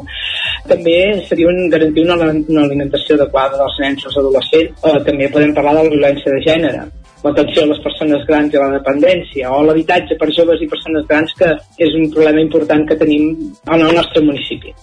Per tant, donades aquestes problemàtiques, quines mesures volen prendre per abordar-les? Bàsicament hem d'aconseguir ajuts per, per les famílies que no puguin afrontar la despesa energètica, com també, per exemple, les beques menjador, no? per, per garantir el menjar adequat en els nostres nens i els nostres adolescents, i principalment un acord amb la resta de municipis per tractar la violència de gènere i disposar de punts d'acollida i seguretat, sobretot nosaltres que tenim zones d'oci, no? el nostre municipi, conjuntament amb Vic, poder disposar de, de punts d'acollida i seguretat en aquestes zones. I en quant a l'atenció de les persones grans, hem de fer realitat que els serveis de salut i els serveis socials treballin conjuntament perquè així podrem millorar la utilització dels recursos i la detecció de- d'aquestes necessitats a les persones a cada moment de la seva vida. Per tant, integrant aquests dos serveis que hi hagi intenció que, que es va treballant, doncs segurament millorarem moltes coses. Eh? I des del Consorci gestionen els dos treballadors socials i l'educador social que, que tenim al nostre municipi, que són els que activen els recursos necessaris així com també el servei d'atenció a domicili, que és el SAT, que quan es detecta la necessitat també l'activa. Per tant, si s'haguessin d'englobar en un seguit d'objectius a curt termini, quins serien aquests per millorar el tercer sector de la seva zona? A la part del tercer sector, jo crec que hem de donar continuïtat als contractes que ja tenim amb les empreses del tercer sector. L'Ajuntament de Grup ja fa temps que treballa amb empreses, amb algunes d'aquestes empreses, integrant professionals en el mateix Ajuntament. Tenim contractes amb l'Aina, que hi ha gent que treballa en el punt, en el punt jove de l'Ajuntament, ART amb el transport, aquest que han iniciat el fa l'ART, TAC Osona també per, tenim tres persones que treballen a la brigada i en serveis de, gin- de jardineria que també treballen al TAC Osona. Con- Donar continuïtat a aquests contractes eh? I, i els que puguin sorgir, però com a mínim mantenir aquests contractes, sí. Quines oportunitats de finançament o col·laboració cerca per recolzar aquestes iniciatives en el sector social? El finançament són per cobrir necessitats bàsiques eh? i principalment provenen de subvencions de, de la Diputació, de la Generalitat, també algunes de, de l'estat espanyol. Eh? I si es detecten necessitats urgents, l'Ajuntament fa les aportacions necessàries conjuntament amb el Consorci de zones serveis socials, en els quals estem escrits per donar sortida a les necessitats urgents. I en aquest sentit, doncs, quin creu que ha de ser el paper de l'Ajuntament pel que fa a l'atenció a les persones necessitades? Sí, jo crec que el paper principal ha de ser la detecció ràpida de les situacions de necessitat de suport, no? intentant eh, evitar l'agreujament, no? i intentar iniciar les accions, adreçar les persones als serveis socials del municipi perquè iniciïn el més ràpid possible les ajudes que siguin necessàries. Per exemple, l'Ajuntament fomenta que els nens i nenes puguin participar en activitats extraescolars relacionades amb l'esport principalment, no? perquè va relacionat amb la salut també, o bé eh, suport i reforç en les matèries lectives. Per tant, seria eh, eh, aquestes coses, eh? intentar evitar l'agreujament de les situacions que es produeixen. I des de les entitats supramunicipals, com creu que s'ha d'abordar? Bueno, el Consorci té, té unes accions que estan començant i que estan definint perquè ha crescut molt en, en l'últim temps i s'han escrit molts municipis i precisament ahir mateix es va fer una reunió que estan definint totes les accions i ara ben bé no et puc definir quines, però mm, majoritàriament serà que es prenguin conjuntament en els territoris i per tant garantir l'equitat de, la, de les accions que es puguin fer. Creu que els fan falta recursos per arribar a cobrir tota aquesta demanda d'ajuda social? Per, per descomptat. Bueno, nosaltres, des de l'Ajuntament, per donar sortida a les necessitats del municipi i, i a tots els nivells. Per això dèiem que hem de fomentar la cohesió entre entitats per, per utilitzar els recursos disponibles de la millor manera i garantint la transparència i equitat en les ajudes de les persones. Eh, Estem en moments difícils, eh? la població és molt envellida a, a, a tots nivells i per tant necessitarem molts més recursos dels que estem disposant ara. Eh? Quins projectes li agradaria veure complerts un cop s'acabi el mandat? Però m'agradaria moltes coses, perquè quan comences no, amb un, una cosa com aquestes de, del municipi, que moltes coses no saps no, com, com funcionen els ens municipals, doncs m'agradaria doncs, disposar d'habitat- d'habitatge no, pels joves i les persones grans. Ja fa temps que s'està treballant, però m'agradaria poder veure com una realitat per poder aconseguir que els joves es puguin quedar a viure al nostre municipi. GUT no, no disposa de, de, de, de pisos que, puguin, que siguin petitons o, i que puguin ser per persones grans i per, i per joves. No? Tenim una població molt envellida i que també està molt dispersa, a vegades en cases de pagès aïllades. Per tant, que puguin disposar d'un habitatge nucli urbà evitant la solitud no desitjada, que cada vegada és més és un dels reptes que tindrem i, i, i tenim com a societat en els propers anys, això m'agradaria molt, sí. Per acabar, quin seria el futur ideal que s'imagina per la seva comunitat i per la societat en general? Doncs Una part que et deia jo és que principalment salut i social vagin junts, perquè fins ara les conselleries matrius de, de la Generalitat han anat per separat, jo crec que és, és molt bo que, que puguin anar junts perquè distribuirem els recursos millor segur i detectarem les necessitats abans, eh? que, no, que, que no tenim ara, que ara hi ha dos, dos maneres, no? I, i, i ja s'acaba complint tot, no? Però, però serem molt més ràpids. Jo crec que això um, m'agradaria veure així. I, I com a societat hem de prendre consciència de que ens necessitem els uns als altres i que a vegades podem ser molt més solidaris, que de moment no som. Esperem que aquests ideals de futur s'acabin complint. Margarita, moltes gràcies per ser avui aquí amb nosaltres i molta sort. Molt bé, moltes gràcies a vosaltres. Gràcies a tu també, Laura, una setmana més als solidaris, coneixent la figura de la Margarita Oriol i el que fem tot seguit al territori 17 és fer una petita pausa però de seguida, 3 minutets ja arriba en Guillem Sánchez amb les piolades del matí i tot seguit el que farem serà escoltar el podcast de llengua en companyia de la Cristina Enfruns, paraula d'Enfruns per acabar el programa, com dèiem, parlant amb Pep Tina sobre l'obra guanyadora del Premi Lluís Solà de Teatre dels Premis Literaris d'aquell Atenes. 3 minuts i tornem fins ara mateix.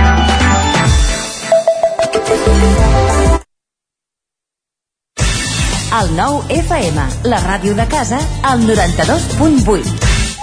Per moure't, lloga un cotxe ALR. Per moure la família, lloga un minibús ALR. Per moure coses, lloga una furgoneta ALR. Per moure la casa, lloga un camió ALR. Lloguer de cotxes, furgonetes i camions ALR.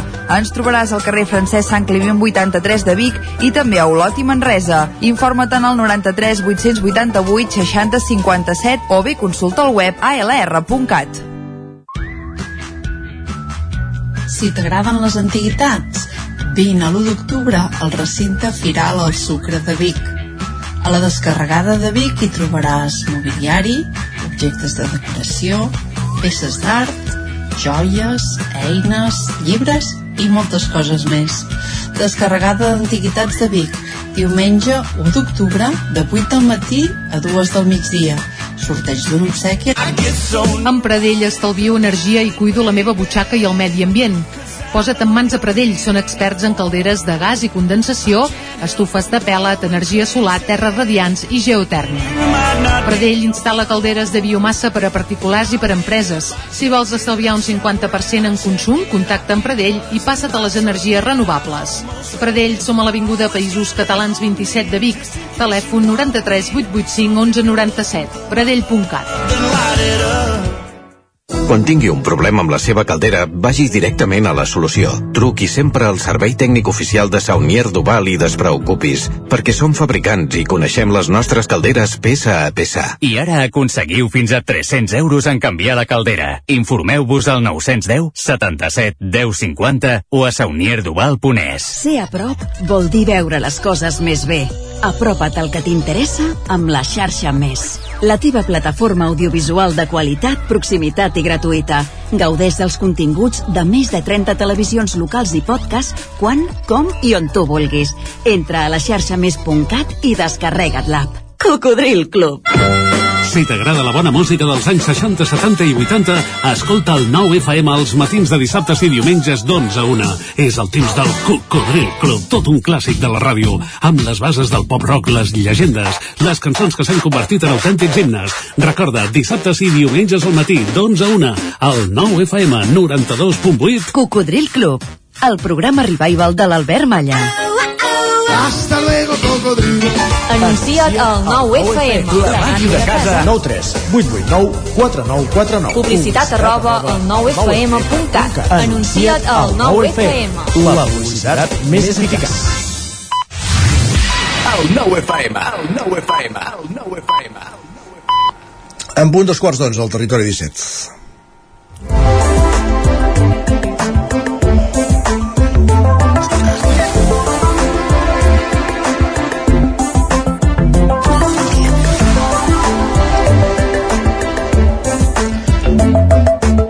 Guillem Sánchez, benvingut.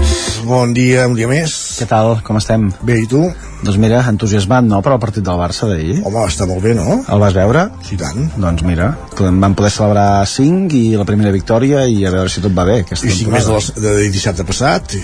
I això vol dir que en toquen 5 més al cap de setmana? En tenim al costat que ja parlava de que estem, ja tenim la vitrina a punt per posar la Champions. No crec que haguem d'anar tan ràpid, no, No, crec. no. Però sí que per xarxes hi ha No, una però sí mica... que de- anava ràpid la pilota sí, sí. Però sí que per xarxes hi ha una mica de- d'eufòria i fixació amb un, amb un jugador. No Isaac. trobes a faltar Dembélé, eh, que no? No, no, no. L'Andreu ens diu, una flor no fa estiu, però jo o Fèlix és Ronald, Ronaldinho Gaucho.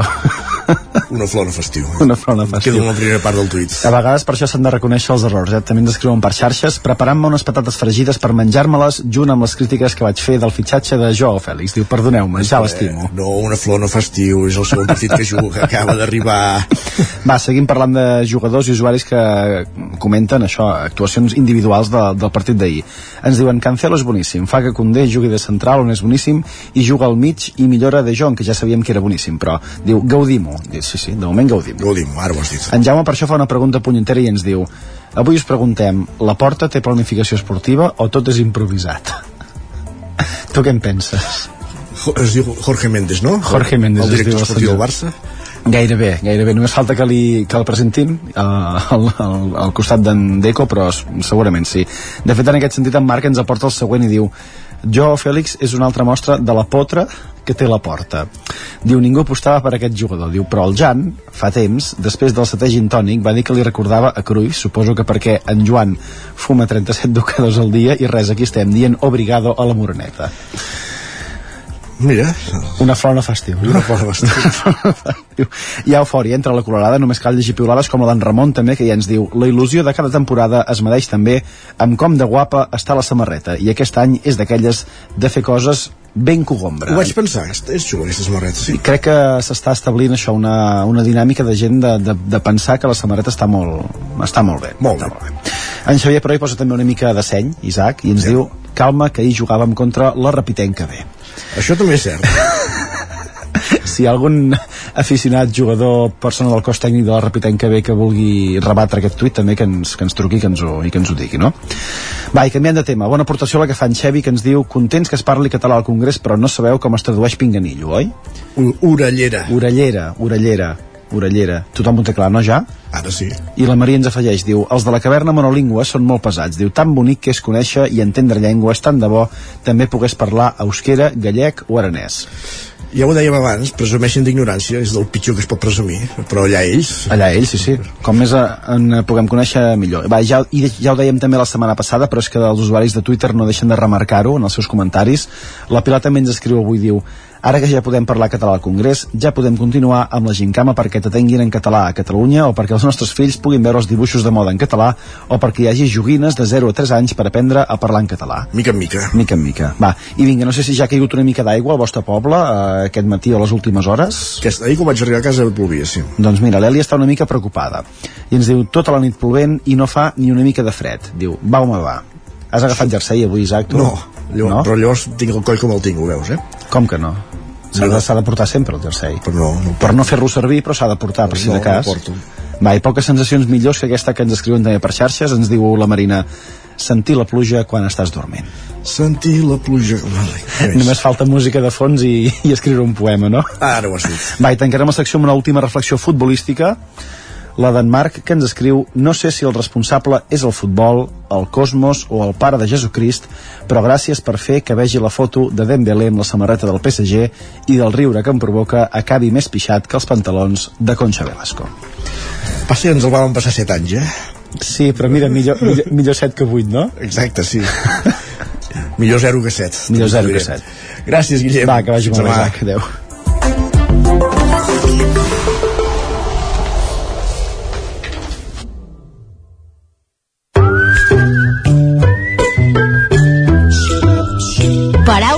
D'enfruns, el teu podcast de llengua.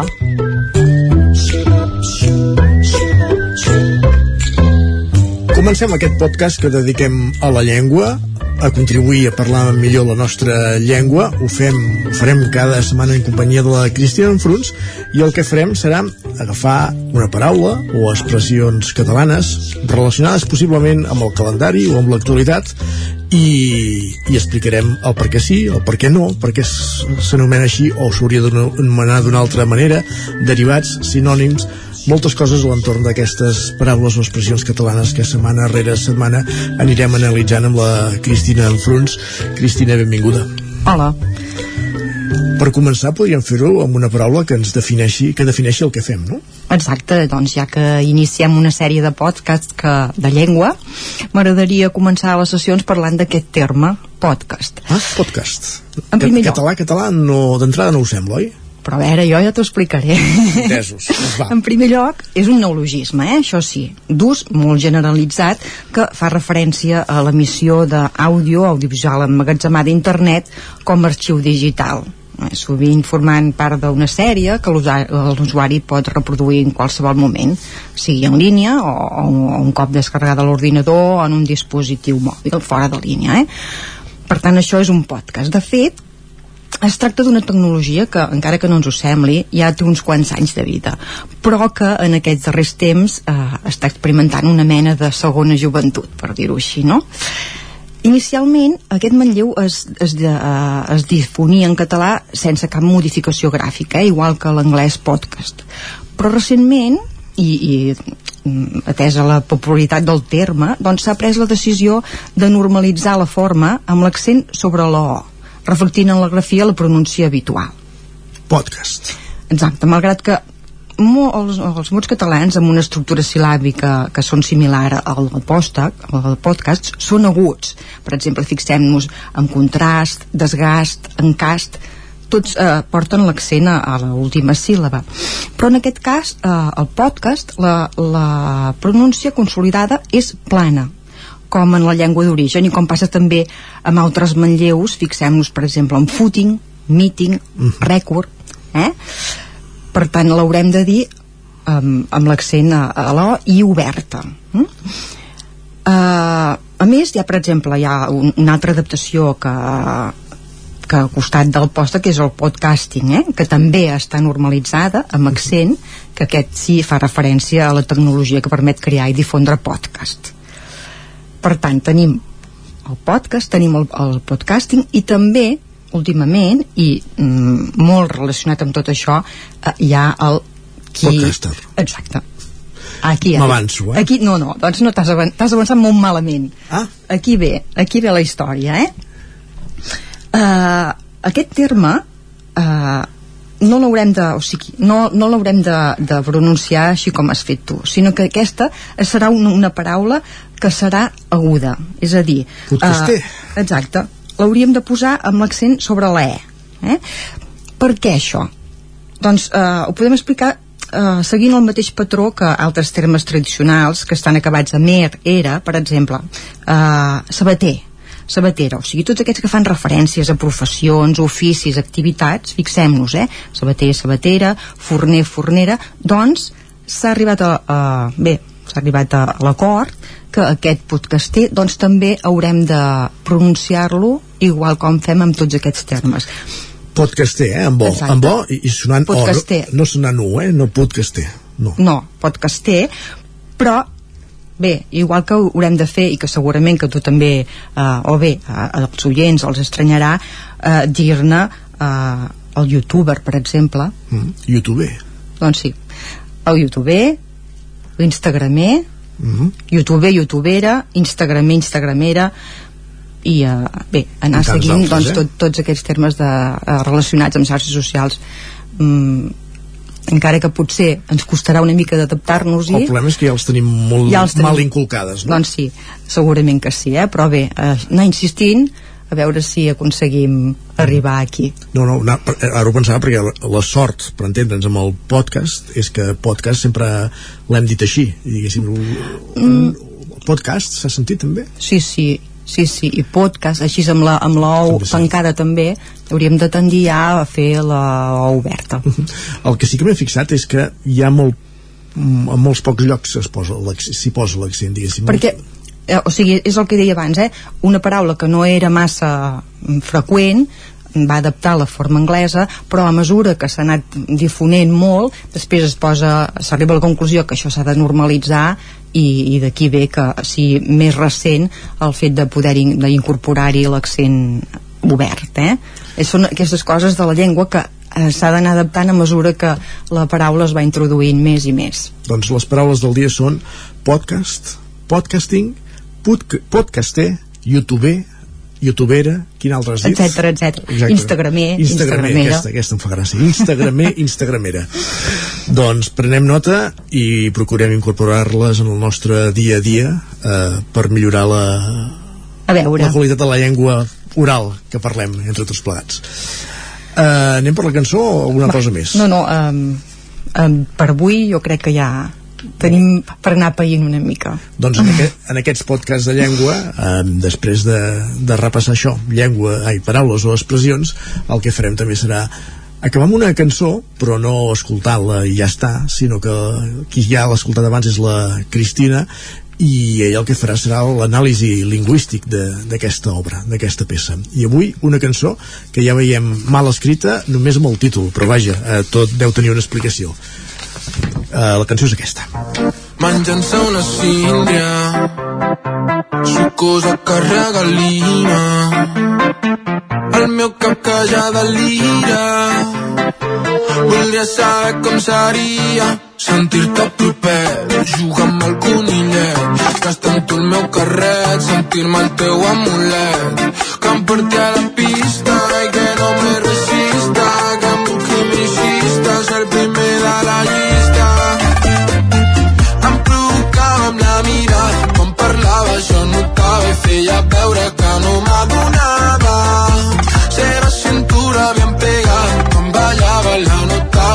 feia veure que no m'importava. La mossego, cego em descontrola amb el seu pas i m'arrossego, cego sota els seus peus, al seu compàs em desespero, però la fantasia no és ficció, ja no em despego, pego. Ajut i pego.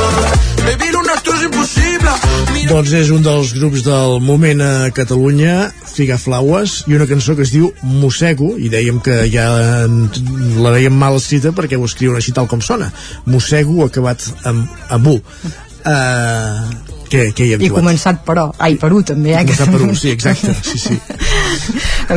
Jo aquí no m'hi poso ja, eh? I en ja- moltes, I en moltes altres en tampoc. moltes altres coses no m'hi poso, eh? Perquè eh, eh, és un tema d'aquest recurrent que, veure, mm, hem d'escoltar cançons en català i ens hem d'adaptar en el que hi hagi tu, perquè la qüestió és que hi hagi cançons en català, Ah, eh? has dit. Més que tot, potser eh, em, em senyiré més a la part més sintàctica, Molt bé. o, o bé, també podem parlar d'al- d'algun d'algun mot aquí que s'escapa, eh? Comencem, per exemple, quan diu gastar amb tu el meu carret. Aquesta paraula carret, que sempre ja teníem assimilat que era un barbarisme eh, això no és els carrets de, de fotos i tot això, no però no, doncs no, encara que ens pensem que és un barbarisme, el podem posar al costat de qualsevol rodet de fotografia, eh? per tant la paraula és, és correcta. El que, el que em costa imaginar que, que els, uh, la gent que escolta Figaflaues sàpiga que és un carret, però vaja. Ara que ja no es revelen fotos en paper, però sí, tot torna, ja ho sé. Tot torna, exacte, exacte, exacte. Bé, fixem-nos, per exemple, potser la part més important i que jo volia aquí remarcar és quan parla, que diu quan parlava jo notava i feia veure que no m'adonava pronoms febles, eh? Per Aquesta favor. és una qüestió el del català que costa molt, però que no ens, no ens els podem oblidar, eh? Mm, Hi ha un problema evident de, de manca de pronoms, quan diu, quan parlava, jo ho notava. Jo notava, notar què? Alguna cosa. Mm? Igual que feia veure que no m'adonava. Eh? Adonar-se d'alguna cosa. Per tant, feia veure que no me n'adonava. Eh? Sobretot, mm, intentem no, no, no oblidar-nos de, dels nostres pronoms febles. Aquí ja estem amb allò de la mètrica, ja has d'afegir una síl·laba més i segurament et diran que allò, no calia. la, la llicència poètica que Exacte, diuen els, sí. els artistes aquests però bé, uh, ho havia de dir Oh, i tant. què més? Per exemple, un altre que també és molt recurrent en moltes cançons així en català que diu Baby, lo nostre és impossible aquest lo, aquest lo neutre que en català és incorrecte això nostre exacte, podríem fer servir qualsevol construcció com aquesta, això nostre i potser tampoc no rimaria però eh, seria molt més correcte eh? em torno loco aquest ja no m'hi poso, el loco bé, és perquè ja és el ritme de tota la cançó eh? em torno loca com, cada cop que la bec del verb veure, potser per assimilació a, a verbs com dur, que jo, jo duc doncs també jo bec, quan hauria de ser jo veig mm? correcte Uh, I per últim aquesta, si estàs mullada, el que esperem, aquest si estàs mullada, vigilem amb això, eh? Sona tan malament el mullat i el mullat de mi. En fi, hi ha és, molt... és, un, és, és, és complicat, eh? Aquest, quan he de posar moll o mullat, uh, moll és l'adjectiu, eh, quan una cosa està humida, hem quedat ben molls, per exemple, de la pluja, en canvi mullat és el participi del verb mullat, ai, del verb mullat, eh? Per exemple, ens hem mullat la cara, eh? Però en aquest cas jo diria que hauria de ser uh, si estàs moll, a què esperem mm? i acaba, acaba ben bé al final que diu, recent arriba la, la invitació la invitació diu que no fa la eh? és la invitació, eh? I el aquest recent, vigilem amb aquest recent perquè eh, un fet recent com a adjectiu, però una història recent, però quan eh, ús incorrecte com quan és com un, un adverbi, eh? demanda un participi, per exemple, mm, pa recent fet, recent nascut, eh, també hem de vigilar quan el fem servir i en quines posicions l'utilitzem. Doncs mossego de Fiuga Flaues, la cançó que ha passat avui pels sedars de la Cristina fent-li aquest anàlisi lingüístic. Ens retrobem a la propera. Perfecte. Moltes gràcies. A vosaltres. Recent arriba la invitació per la consulta.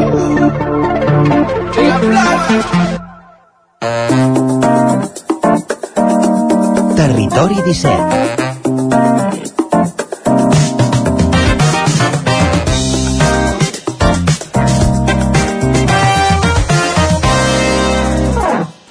Tres quarts d'onze i dos minuts, parlem de teatre.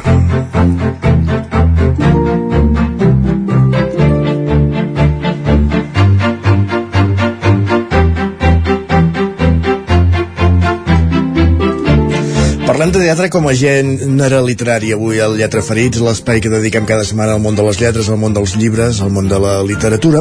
I deien que parlem de teatre perquè volem parlar de l'obra premiada amb el Premi Lluís Solà de Teatre, dels Premis Literaris de Call d'Atenes, que es donaven a conèixer, que es lliuraven dissabte.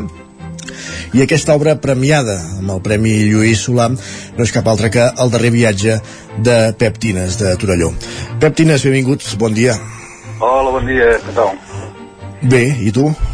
Bé, treballant. Ja està bé. Algú ho ha de fer. El, dar el darrer viatge aquesta obra premiada, com dèiem, el Premi de Teatre dels Premis Literaris de, de Call d'Atenes, fins ara obra inèdita, la presentaves en aquests premis i que rebia Correcte. el guardó Lluís Solà.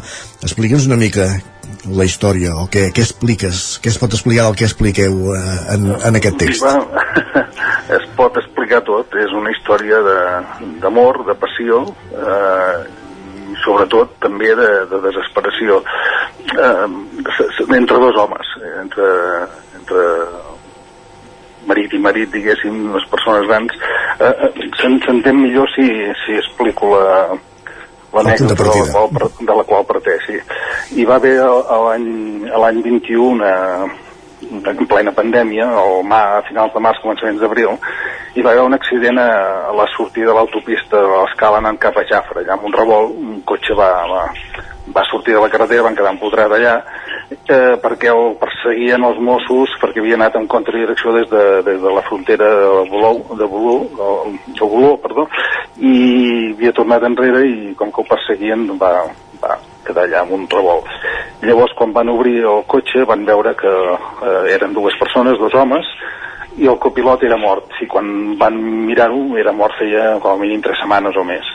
Llavors eh, les informacions que van anar apareixent és que doncs això, hi han fet un viatge perquè el, el persona aquesta que ja tenia 80 i pico d'anys la morta estava en fase terminal amb una malaltia terminal i feien un darrer viatge i van travessar des de, crec que era des d'Itàlia, França, van travessar tota la península anant cap a, cap a Galícia perquè el conductor tenia una germana allà però no van arribar perquè la germana va dir que no els havia vist, que hi ha molts anys que no els veien, que havien marxat d'allà, vivien a Zúrich i tornant, tornant i marxant doncs, van tenir, van tenir aquest accident. Llavors he dramatitzat, he, m'he inventat me, perquè hi ha poques notícies i informacions de què, és, de què era cadascú he inventat la història de relació d'aquestes dues persones amb, amb, del viatge i de les relacions que havien tingut. Per tant, el, el que és cert és uh, aquest fet, això va passar, però sí que la resta és tot ficció, per entendre'ns, eh?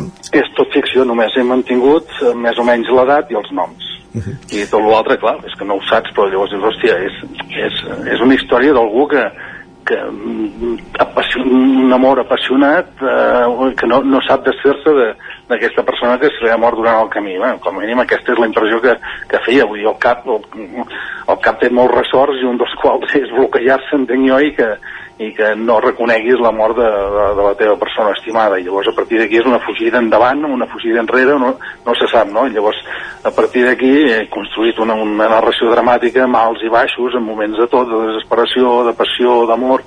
Eh, evidentment el mort com que són dos actors, el, el faig parlar vull dir, hi ha moments que, que el mort reviu en, en, per dir-ho en certa manera també per explicar una mica la història que em vaig trobar molt apassionant eh, com, com pot ser que algú arribi a eh, a poder fer això sigui pel que sigui, sigui per amor, sigui per, perquè se li ha anat al cap eh, un moment allò que la ment és, és tan desconeguda el que pot passar en algun moment que, que ho vaig trobar que era un, una història molt apassionant. No la tenia al cap des de que vaig llegir, em va frapar molt la història aquesta i la tenia al cap i vaig pensar alguna hora has d'escriure alguna cosa i ho vaig poder fer. Molt bé. I ho vas presentar als Premis d'aquell Atenes i ho guardat sí. amb aquest premi. Uh, deies això, que, const, que la història consta de dos personatges, eh, diguéssim? Sí, sí, sí. sí. Per tant... El, vi, el viu i el conductor i el, i el, el copilot el mort, perquè estava, el, el duia el, el seient del copilot. Uh -huh. I l'al·lucinant és això, que, hòstia, el març del 21 encara estàvem que si tanquem, que si no tanquem, França estava bastant tancada també, i estàvem en plena pandèmia i, i vull dir, estàvem amb la mobilitat reduïda, que eren moments que si només podies anar pel poble o, o canviar de poble a comarca i aquesta gent va envoltar amb un personatge mort sí, sí. va envoltar mitja Europa, Itàlia i França com a mínim que se sàpiga i la península ibèrica, vull dir que no sé és curiós, curiós també en aquest sentit no? està clar uh, abans ho dèiem uh, escrius però també uh, dirigeixes també fas de dramaturg aquesta, sí. aquesta obra la veurem a l'escenari algun dia? ho tens en ment això o com està? Ho, ho, ho tinc en ment fa, fa temps i molts companys de la companyia en Teatre SL n'hem parlat a vegades però jo sempre vam dir que la vaig escriure fa més d'un any o així i quan la van llegir els hi va agradar i tot això i, i deia, dic, bueno, ostres, primer preferiria intentar presentar-la en algun premi, perquè eh, tant jo com ells hi veien possibilitats, també una mica com a recolzament, no? de dir, una cosa és que muntis tu un espectacle, eh, que és el que fem normalment en Teatre Seva, i l'altra és que diguis, home, ha tret un premi, hi ha un reconeixement, per tant, a partir d'aquí potser podem buscar còmplices, podem moure una mica més, per tant, suposo ara nosaltres estrenarem una cosa també d'aquí d'aquí un mes i poc, una altra cosa estic format al nostre local, que sí. encara no hem no hem anunciat, per tant és primícia tampoc sé l'interès que pugui tenir eh, per aquesta primícia, però ho és Molt bé. i llavors a partir d'aquí suposo que parlarem a veure què podem fer d'això uh, és un text que a mi m'agrada, evidentment és meu No saltaria, clar. però que sí que sempre penso és que no, no, diria que no m'agradaria dirigir-la a mi. I que si pot ser que el dirigeixi una dona no sé per què em ve al cap perquè tants homes allà ni que siguin gais és igual, però vull dir que eh, potser, no sé, eh, anem de parlar i veure què, però sí que estaria bé veure una escena perquè també una de les coses que va dir el jurat és que era la seva representativitat no? de, que van valorar que, que estava clar, el meu per defecte acoto molt, fins i tot les músiques que hi haurien d'anar segons el meu criteri, però hi ha músiques que sí que intervenen molt amb, la, amb el desenvolupament dramàtic, no? llavors sí que eh, clar, tot està bastant, bastant acotat i bastant descrit, però ja ho explico al començament, dic, cadascú, si algú la dirigeix algun dia, tinc la sort que algú vulgui fer, que faci el que li sembli, jo només he posat això perquè és el que em semblava a mi, que, que em donava l'esperit aquest com, com, com, a, com a director dramàtic, eh? no és això. És la primera obra que escrius així sencera o molts dels montatges que hem vist de Teatre Cela ja hi havia per Doncs, a, a la majoria de coses he fet guions, he fet textos, he fet allò, eh, i aquesta és la segona que escric eh, com a text dramàtic sense, sense que sigui una, una obra que estiguem fent i que em munti el guió i que em faci fragments i tot això. Aquesta és la primera, que, ai, la segona que faig. I el que sí que, que he fet bastantes més vegades també és narrativa, que també he guanyat alguns premis, però així en teatre, teatre és aquesta, no? és, és la segona. Costa escriure teatre? Bueno, són els reptes aquells, és això de dir com que sí que costa, costa molt, però com, com que havia guanyat això, em sembla de narrativa curta són 5, i un dia vaig dir, ostres, he de, he de veure si, si sóc capaç en comptes de fer 20, 30, 40 pàgines, sense fer 200. I un dia vaig fer una novel·la i la tinc allà, que algun dia també veuré què em faig.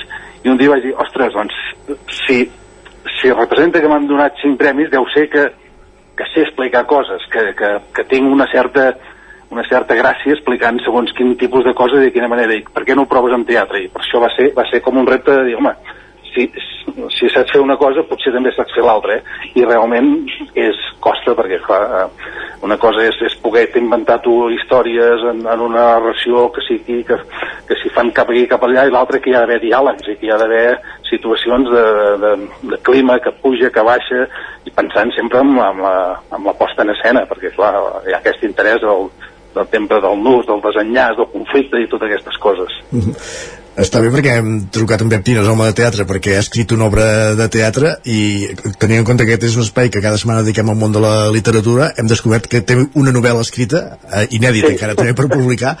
Inèdita, inèdita, aquesta ja... Ja parlarem quan sigui l'hora, no? Són paraules mayores, sí, sí. El que sí que també ens has apuntat aquesta primícia, que d'aquí un meset estreneu un sí. espectacle en petit format Teatre SL sí. a, a Torelló, què en podem avançar? Es dirà és, és una paròdia eh, poètico-política es diu Catalunya més que un club. Carai.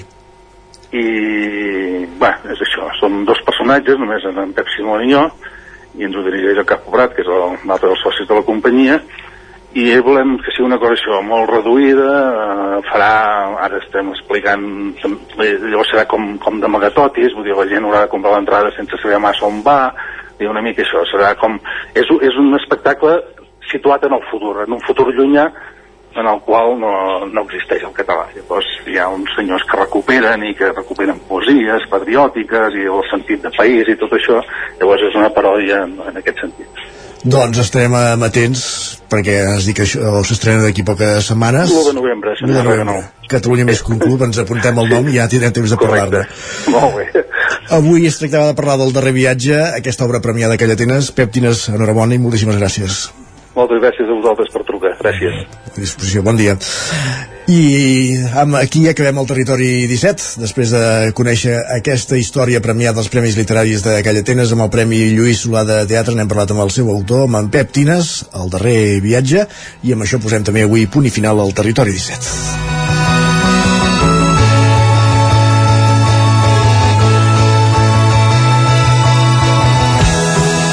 Us hem acompanyat des de les 9 del matí Isaac Montades, Roger Rams, Enric Rubió, Pep Acosta, Laura Serrat, Guillem Sánchez, Cristina Enfruns, Sergi Vives i qui us ha parlat Isaac Moreno des de les 9 del matí. Tornem demà a la mateixa hora a partir de les 9 fins a les hores. Gràcies per ser-hi i bon dimecres. Adeu.